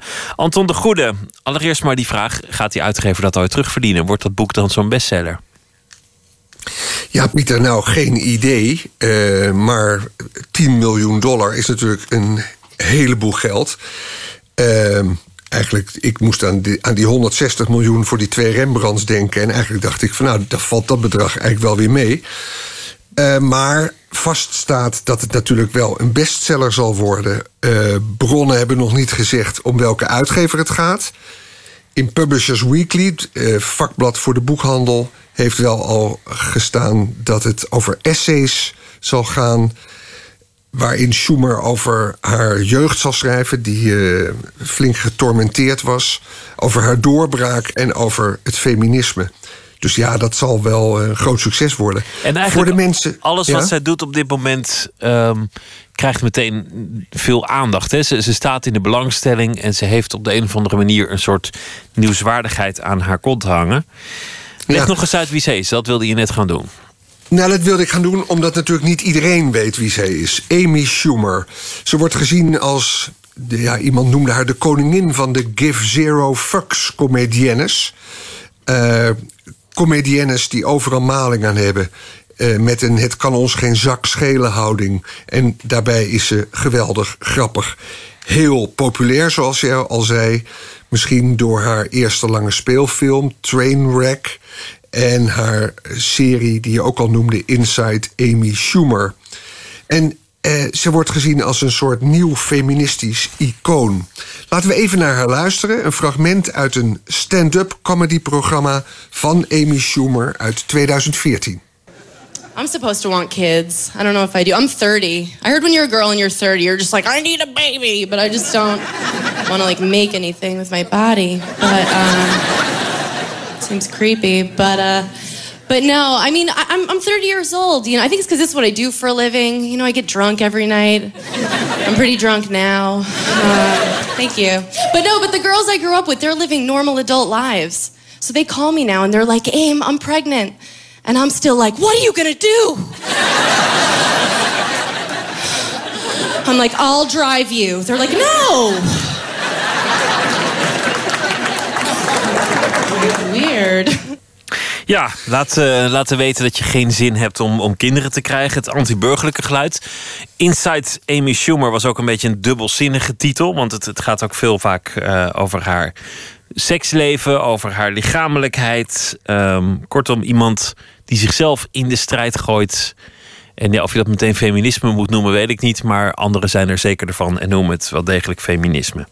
Ja, Anton. ja, je kan het misschien ook eh, een soort antifeminisme noemen. Hier hoor je haar in een recentere opname, 9 april van dit jaar, toen ze te gast was in de Amerikaanse Ellen Show. En ook daar stak ze in topvorm. Je hoort haar hier uitleggen dat ze op een leeftijd is gekomen waarop ze het eigenlijk heerlijk vindt als ze wordt nagefloten door bouwvakkers op straat. Well, last last time I was here, right from the show, I I got court, courtside tickets to a Laker game. That's fun. Yeah, because my my uh, business agent thought I was mad at him for sexually harassing me. Um, well, but no, I'm like 33, so I'm just starting to really appreciate that. You know I what I mean? I see. well, it's true. I, I can't speak for everyone. I'm not like sexually harassed, but in your 20s, I feel like you walk around, like you'll walk past a construction site and be kind of like, oh, like don't look. But then in your 30s, you know, you I'm just like, what about this? Yeah. Like, how about? It's like my skirt's over my head. I'm like, ah. They're like, we're eating, but uh, it changes. It really does. It Ja, dat is ineens ben je beledigd als je niet meer wordt nagefloten door bouwvakkers, terwijl je dat vroeger irritant vond. Ze is natuurlijk onnoemelijk grappig, maar wat is er zo nieuw aan? Waarom is het zo'n revolutie? Waarom is dit het nieuwe feminisme? Dat, dat zie nou, ik de toch wat is- minder. Ja, maar de vraag is ook of het wel nieuw is. Ik bezocht vanmiddag Linda Duits. Zij is sociologe en kenner van de populaire cultuur. Eh, en ik besprak met haar die populariteit van Amy Schumer. Waardoor je bijna zou denken dat vrouwen met harde grappen iets nieuws is. Maar niets is minder waar, stelde Linda Duits. Joan Rivers al in de jaren zeventig eh, toch een van de bekendste Amerikaanse eh comediennes. En die maakte hele harde grappen over zichzelf. En ook over seksualiteit. Hè, dat ze single was en dat zijn moeder zo graag wilde dat ze ging trouwen... maar dat ze geen man kon vinden. Met heel veel zelfkritiek. Nou ja, er is echt een heel directe lijn ook die je kunt trekken natuurlijk... tussen Amy Schumer eh, eh, of Sarah Silverman bijvoorbeeld. Uh, en Joan Rivers... Um, dat was in de jaren 70. In de jaren 80 kreeg je natuurlijk Roseanne Barr. Die ook hele harde grappen maakte. Ook over haar eigen uiterlijk. Ook met zelfspot. Uh, in de jaren 90 um, was Roseanne heel erg ingeburgerd. Hè, zou je ook kunnen zeggen. Zij was toen, werd toen heel erg omhelst. Dat is ook de tijd van Ellen DeGeneres. Uh, die nu natuurlijk haar eigen talkshow um, heeft. dus je ziet wel van dat soort uh, pieken. Maar als het niet een nieuw verschijnsel is, zoals Linda Duits nu zegt, hoe verklaar je dan dat het wel als een nieuw verschijnsel wordt omarmd en dat het ook zo'n enorme navolging krijgt en dat het zoveel aandacht vangt? Ja, nou, volgens Linda Duits is het antwoord eenvoudig. Luister. Omdat feminisme nu best wel in is. Um, dus uh, dat, dat merk ik bijvoorbeeld aan de studentenaantallen, aan de mensen die mijn vak uh, willen volgen, inleiding gender en sexuality. Aan de UvA geef ik dat. Um, daar echt een enorme toename in. Uh, en je ziet bijvoorbeeld dat celebrities die vroeger op een enkele manier geassocieerd wilden worden met het feminisme, nu openlijk uh, zich op die manier positioneren. Beyoncé, Emma Watson, uh, dat soort dingen. Dus ik merk wel echt dat feminisme in is, ook in de media dus heel erg. En dan zijn we allerlei aan het kijken naar waar winnen vrouwen misschien. Hè? Daar kan je dan ook een stukje hoop uithalen ik denk dat we daardoor op die manier nu zo met die vraag bezig zijn. Ja, ook op, opmerkelijk is dat Amy Schumer op een heel mannelijke manier soms grappen maakt over haar seksualiteit en met die eerlijkheid. Als een man dat zou doen, zou het helemaal niet als iets nieuws of bijzonders worden gezien. Maar kennelijk is het wel iets nieuws als een vrouw dat ineens durft. Gewoon een kwestie ja, van nou, etiketten of zoiets. Ze heeft wel eens gezegd: Ik word er vaak op gewezen dat ik het altijd over seks heb. Maar op zichzelf is dat seksistisch. Want mijn grappen gaan misschien voor 30% over seks. Maar kijk naar mijn mannelijke collega's, daar is die verhouding misschien wel precies zo. Maar omdat ik een vrouw ben, valt het dan op. En ze heeft daar een prachtig citaat over gegeven. Ik denk dat een vent op het toneel letterlijk zijn lul tevoorschijn kan halen. En dan nog zeggen mensen: wat een diepe denker is dat. Ja, wederom uh, grappig. Amy Schumer gaat dus een boek schrijven en uh, de uitgever heeft daar al gif voor betaald. Dus die uh, heeft vertrouwen in het succes van, van dit boek. Anton de Goede, dankjewel. Graag gedaan, Pieter. Dag. Dallas Green, een zanger-gitarist uit Canada. En hij heeft ook een artiestennaam, City and Color. En nou ja, Dallas is een city and green en is een color. En nou ja, zoiets. If I Should Go Before You en is de titel van het album. En wij draaien het titelnummer.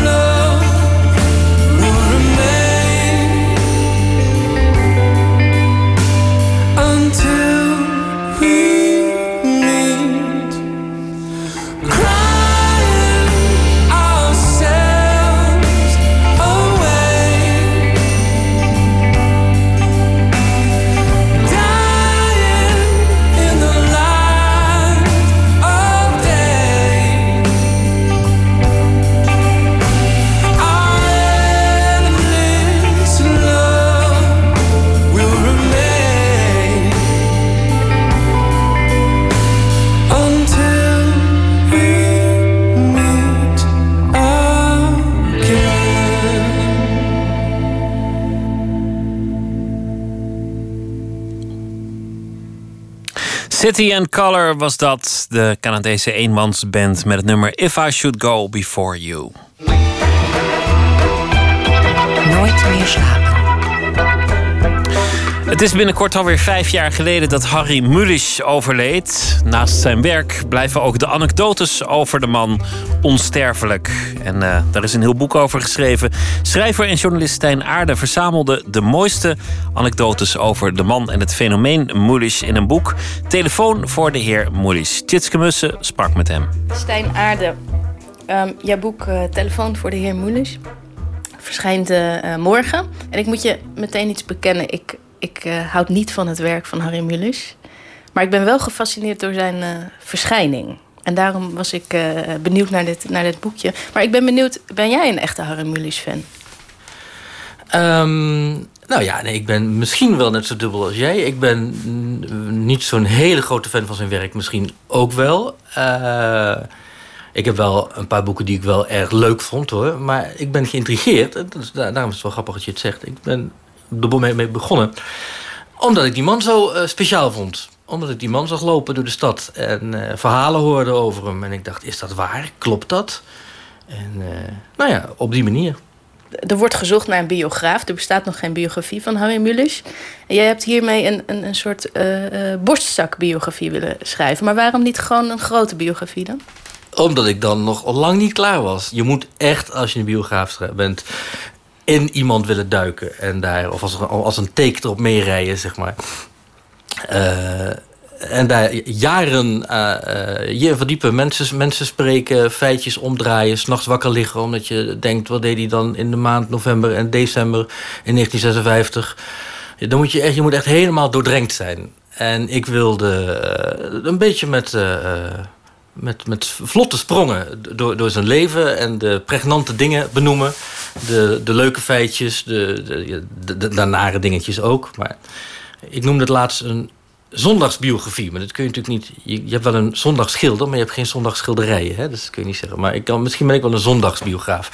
Ik wist niet dat het kon, ik wist niet dat het mocht, maar het mocht van de uitgever. En ik ben heel blij dat ik. eh, een borstzakbiografie, zo noem ik het geloof ik. Ja, ja, je moet op een gegeven moment gaan mensen vragen: wat is het dan? En toen ben ik, heb ik geloof ik dat maar bedacht. Ja, eh, je schrijft in je inleiding... het begon bij het schilderij van Harry op de Bezige Bij. Nou, ik weet niet of het daar begon, maar het is wel een pregnant voorbeeld. En ik hou heel erg van beelden waarin nou ja, ding- dingen gevangen zitten... dat je niet overloos hoeft uit te leggen. Maar in dat beeld zit, het voor een deel gevangen. En dat is dat ik inderdaad als... eh, ik denk dat ik in de twintig was of zo... op de uitgeverij De Bezige Bij mocht komen. Dat vond ik natuurlijk al geweldig. En toen stond daar ook nog... Ik was veel te vroeg. Dat heb je dan ook natuurlijk, als je eh, een beetje gespannen bent. En toen stond daar Harry Mulisch eh, met een glas witte wijn in de kamer van de, eh, directeur. En ik, ik, ik even of dat al allemaal aan was of tevoren, maakt niet uit. Hij stond onder zijn eigen schilderij. Een fantastisch groot portret van Mulisch en daar stond hij onder. En ik wist gewoon echt niet eh, wat ik nou moest vragen. Van, bent u, daar, u weet dat u onder uw schilderij staat. Dat had ik misschien moeten vragen. Maar ik dacht, ik doe het niet.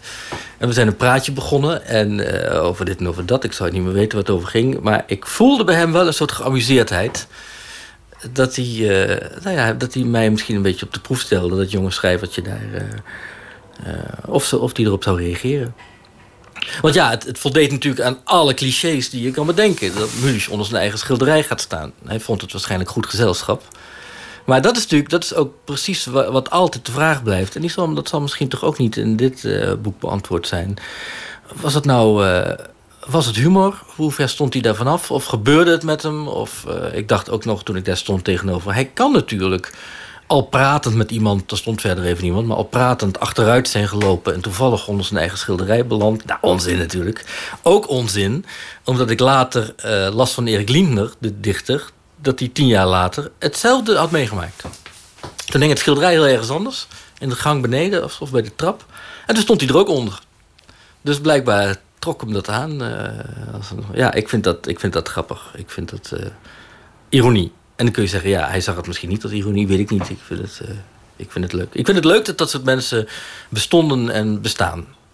Eh, Je hebt het eh, thematisch aangepakt. Er zijn eh, 21 ehm, hoofdstukjes die elk een onderdeel van zijn eh, verschijning eigenlijk eh, eh, behandelen, toch? Een, verschijning dan in de, in de brede zin, want er zit ook een ho- hoofdstuk over de oorlog, over het Leidseplein. Maar het allemaal samen is het een soort mozaïek van, van, van een portret. Mooi. Ik vind, als ik het woord mozaïek eerder had bedacht, had ik dat zeker gebruikt. Ik heb het woord Dr. Bibber gebruikt. Ik, ik zag allemaal van die, van die bordjes. Veel mooier. Eh, Nou ja, ik zag van die bordjes voor me. En dan uiteindelijk maak je wel een soort skeletje.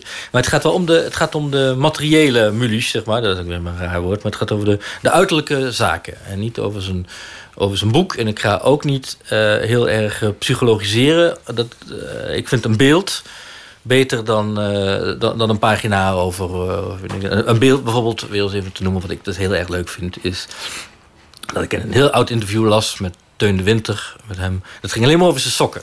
Was hij geïnterviewd voor de Ha- Haagse Post over zijn sokken. En dan vertelde hij dat hij vroeger had hij dan zo'n plus voor aan als klein jongetje. Of een, of een korte broek in ieder geval. En dan had hij kniekousen. En dan voor hij de straat op ging, ging hij voor de spiegel staan. En dan eh, met een liniaal keek hij of die kousen even hoog zaten. Want hij vond niets erger dan met, met, met ongelijke kousen de straat op gaan. En hij kon ook nog het gevoel als volwassen man oproepen hoe, hoe, een, hoe een kous afzakte. Hoe één kous afzakte. Het was in de crisistijd, dus die kousen zullen ook hebben afgezakt. Maar, en dan zette hij zijn voetjes eh, zachtjes neer op straat om te zorgen dat die kousen dus even hoog bleven. En ja, wat moet je daar nou aan toevoegen? Er zit toch de hele man met zijn gevoel voor eh, decorum en ten, eh, de veiligheid die decorum biedt zit daar toch helemaal in. En eh, ja, iets obsessiefs zit er natuurlijk ook wel in, maar dat, is, eh, nou, dat, dat mag de lezer dan uitmaken. Ehm, er zijn een aantal eh, mysteries ook die, eh, die je onderzoekt. Hè? Bijvoorbeeld eh, eh, heeft hij het echt met duizend vrouwen gedaan? Ja, hij geeft, ik weet niet eens of ik het opgeschreven heb, hij geeft een eenvoudig rekensommetje. Als ik er één per dag afwerk, om het woord zo maar eens even te gebruiken, en als mijn haar goed zit, twee op een dag. En, eh, en ik deed het een paar jaar eh, in, mijn, in mijn dertigste. Dan, eh, ja, dan, dan ben je zo op, op. En zit in de drie nullen, zeg maar. Want, want in, de, in, de, in een Amerikaanse krant, de Herald Tribune, verscheen het nieuws: Mulisch viert zijn duizendste verovering. Heel wonderlijk natuurlijk dat dat in een Amerikaanse krant staat. Nou, hij sprak dat op alle fronten tegen, op zijn eigen manier, met die glimlach van: nou ja, duizend, waar, waar maak je je druk om? En als ik nou. Oh, hij was ook, hij was ook al behoorlijk. eh, hij liep tegen de 40 of zo. Dus hij vond het ook al. Als je het nou voor een jongen van 20 zei. Maar hij vond het nou. eh, hij, er hoefde er allemaal niet zoveel eh, aandacht aan besteed te worden. Maar hij maakte er wel later zelf 2000 van. Op een gegeven moment st- staat er in interviews. ja, Herald Tribune zeggen ze 2000 vrouwen. Terwijl er toch echt 1000 vrouwen stond. En daar wordt het wel. nou, eigenlijk is dat ook weer typisch uh. Je kunt reageren op kritiek door je te verdedigen. Je kunt ook de boel een beetje eh, of, of nog groter maken, of nog raarder maken, of nog eh, het, het, het, het gordijn, het mistgordijn nog eh, ondoordringbaarder. Maar dacht je van tevoren, ik ga hem ontmaskeren. Ik ga wel eens even kijken wat er allemaal van klopt. Nee, bijna in tegendeel. Ik vind het heel leuk dat die man omgeven is door mythes. En die mythes maken we ook natuurlijk voor een groot deel zelf. Wat ik grappig vond, is dat je laat dus eigenlijk de achterkant van die mythes zien. Niet, niet dat je ze ontkracht, maar je laat wel zien wat er, wat er nog meer mee speelde. Maar wat een beetje in stand blijft en wat ik altijd, wat ik, wat ik altijd fascinerend heb gevonden aan Harry Mulisch is. Ik ging ook bijna geloven dat hij onsterfelijk was. En dat, dat, dat, dat, dat die hele ontstaansgeschiedenis met die data en dat hele metafysische, dat dat toch ook. Er kleeft iets aan hem dat je dat ehm, gelooft. Dus en daar, daar was ik verrast door dat in jouw boek blijkt dan ook dat hij, eh, weet ik veel, tijdens de oorlog, dat hij eh, naar Schin op Gul werd gestuurd door zijn vader. En pre- precies daar werd een, eh, wat, wat kwam een bom terecht. De sterfdatum van zijn vader hangt weer samen met de geboortedatum van zijn zoon. Al die, dat soort gekke feitjes. Dat zijn er zoveel bij elkaar dat je toch bijna gaat geloven dat, er, dat daar iets boven zit. Ja, daar kleeft iets aan. Ik ben het helemaal met je eens. En in, in de echte biografie zal het nog veel veel meer zijn. Want ik ben er behoorlijk zuinig mee geweest. Want hij noemt zoveel voorbeelden ook met dingen die hij voor zijn boeken heeft bedacht. En die dan later uitbleken te komen of waar bleken te zijn. Of, eh, ja, er is wel iets. En dat, dat, dat wil ik ook maar zeggen. Die, die mythe zal nog wel even in stand blijven. Sommige dingen waren gewoon te toevallig of te mal. En je kunt ook zeggen, ja, als je ze opzoekt, dan, vind, dan krijg je ze ook op, op je pad. Als je er oog voor hebt, dan, eh, dan zijn ze er. En als je er geen oog voor hebt, dan eh, stap je eroverheen. Hij had er duidelijk oog voor en eh, op een manier die ik ook leuk vond. Ik vond het ja, bijzonder om zo in het leven te staan. Is jouw beeld veranderd van hem? Heb je het gevoel dat je iets meer achter die façade hebt kunnen porren? Ik eh, nou, weet ik niet of ik erachter heb kunnen porren. Ik weet wel dat ik, hem, dat ik het nog iets stoerder vind hoe hij zich eh, heeft opgesteld. Omdat ik nu ook al die tegenwind zag. En al die mensen die hem vanaf het begin, hè, eh, als hij vroeger naar school liep, kwamen de klappen al van alle kanten. Jongetjes konden hem niet luchten. Ik heb een omgekeerd charisma, zei hij. Ik, ben, ik, straal iets, iets, iets heel negatiefs en naars uit. Zelfs zijn vader vond hem arrogant. Dat was ook, ook wel een mooie. Zelfs zijn vader zei al tegen die 12-jarige Mulisch van... waar je het vandaan, jongen? Wat, dus nou ja, dat, dat was dan maar zo. Hij heeft denk ik ook geen moeite gedaan om, het, eh, om daar lucht uit te laten lopen. Om, om, het, om, om zich kleiner te, laten, eh, te maken. Maar hij heeft zich wel eh, gehard met een heleboel knoopjes. En mooie pakken en glimmende schoenen. En, en de, het air van zoek je het allemaal maar uit. En op een gegeven moment is hij zich maar zo gaan gedragen om... ja, een beetje verschanst is hij dus... om een beetje uit de wind te blijven. En, maar toch ook weer niet, want als hij, als hij er was, dan was hij er. Als, hij over, als je hem over straat zag lopen, dan eh, je, moest, je moest hem niet benaderen. Of hij eh, maar hij liep met zijn, zijn, zijn neus in de wind en, en zijn prachtigste pak. En zo heeft hij iedereen en alles altijd tegemoet getreden. Ik ben wie ik ben, ik kan wat ik kan. En jullie kunnen de boom in. En eh, nou ja, als we, als we dan gaan psychologiseren over mij, denk ik dat ik dat, ik dat wel iets meer zou willen hebben. En ik denk dat een heleboel mensen en heel veel schrijvers in Nederland dat wel graag iets meer zouden hebben. Telefoon voor de heer Mulisch en andere anekdotes over de beroemdste schrijver van Nederland, van Stijn Aarden. En hij was in gesprek met Tjitske Mussen. Een van de leukste soulzangers van dit moment, Quaps. We gaan luisteren naar een eh, nummer met de titel Cheating on Me.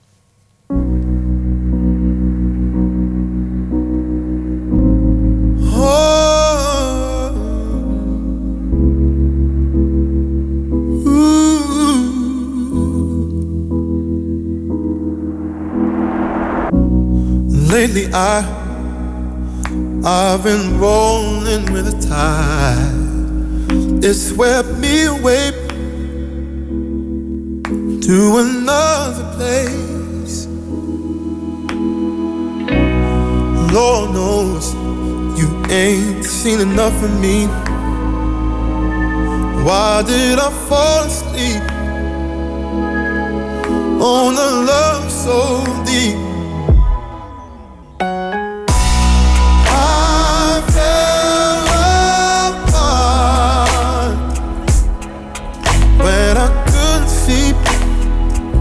I was cheating on me.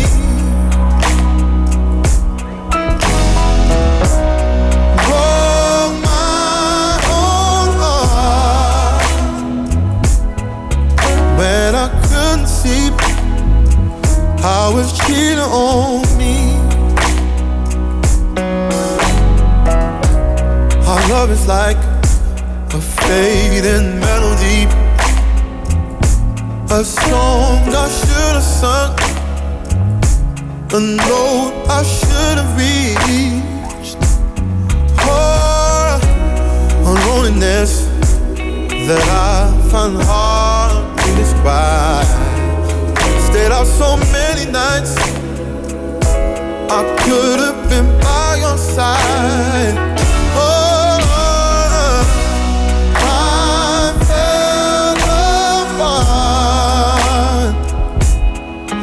When I couldn't see I was cheating on me.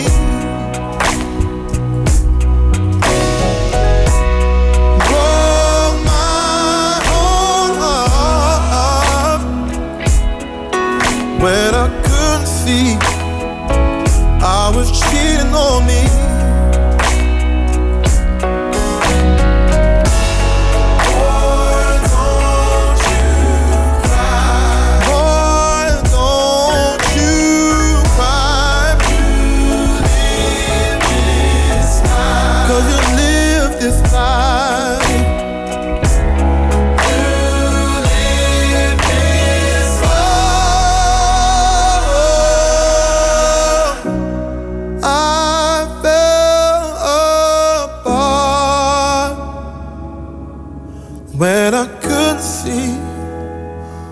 I was cheating on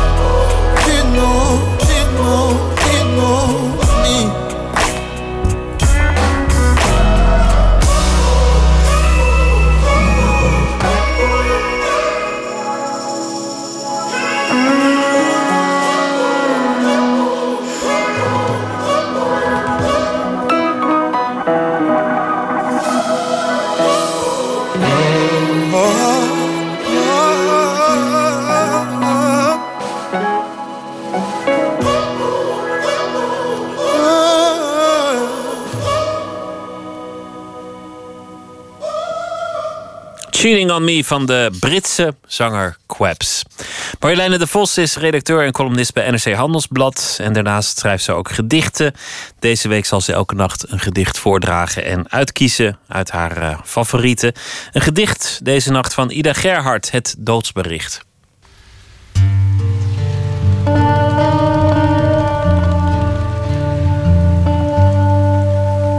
Ida Gerhard is een prachtige dichter, maar ze is niet een heel gemakkelijke dichter.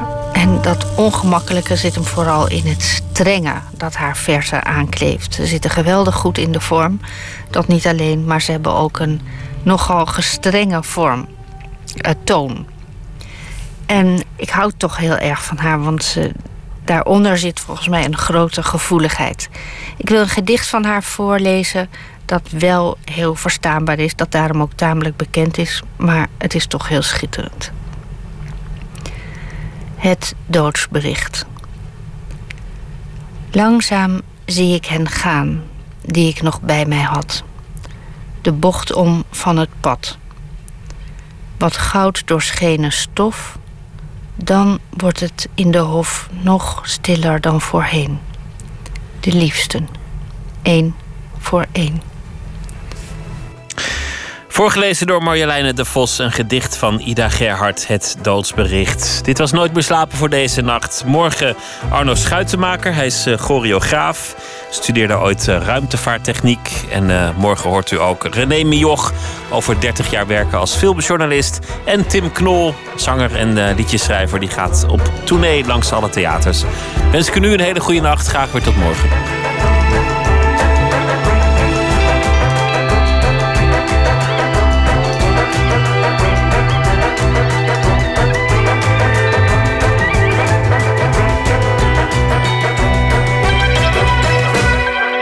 Radio 1, het nieuws van alle kanten.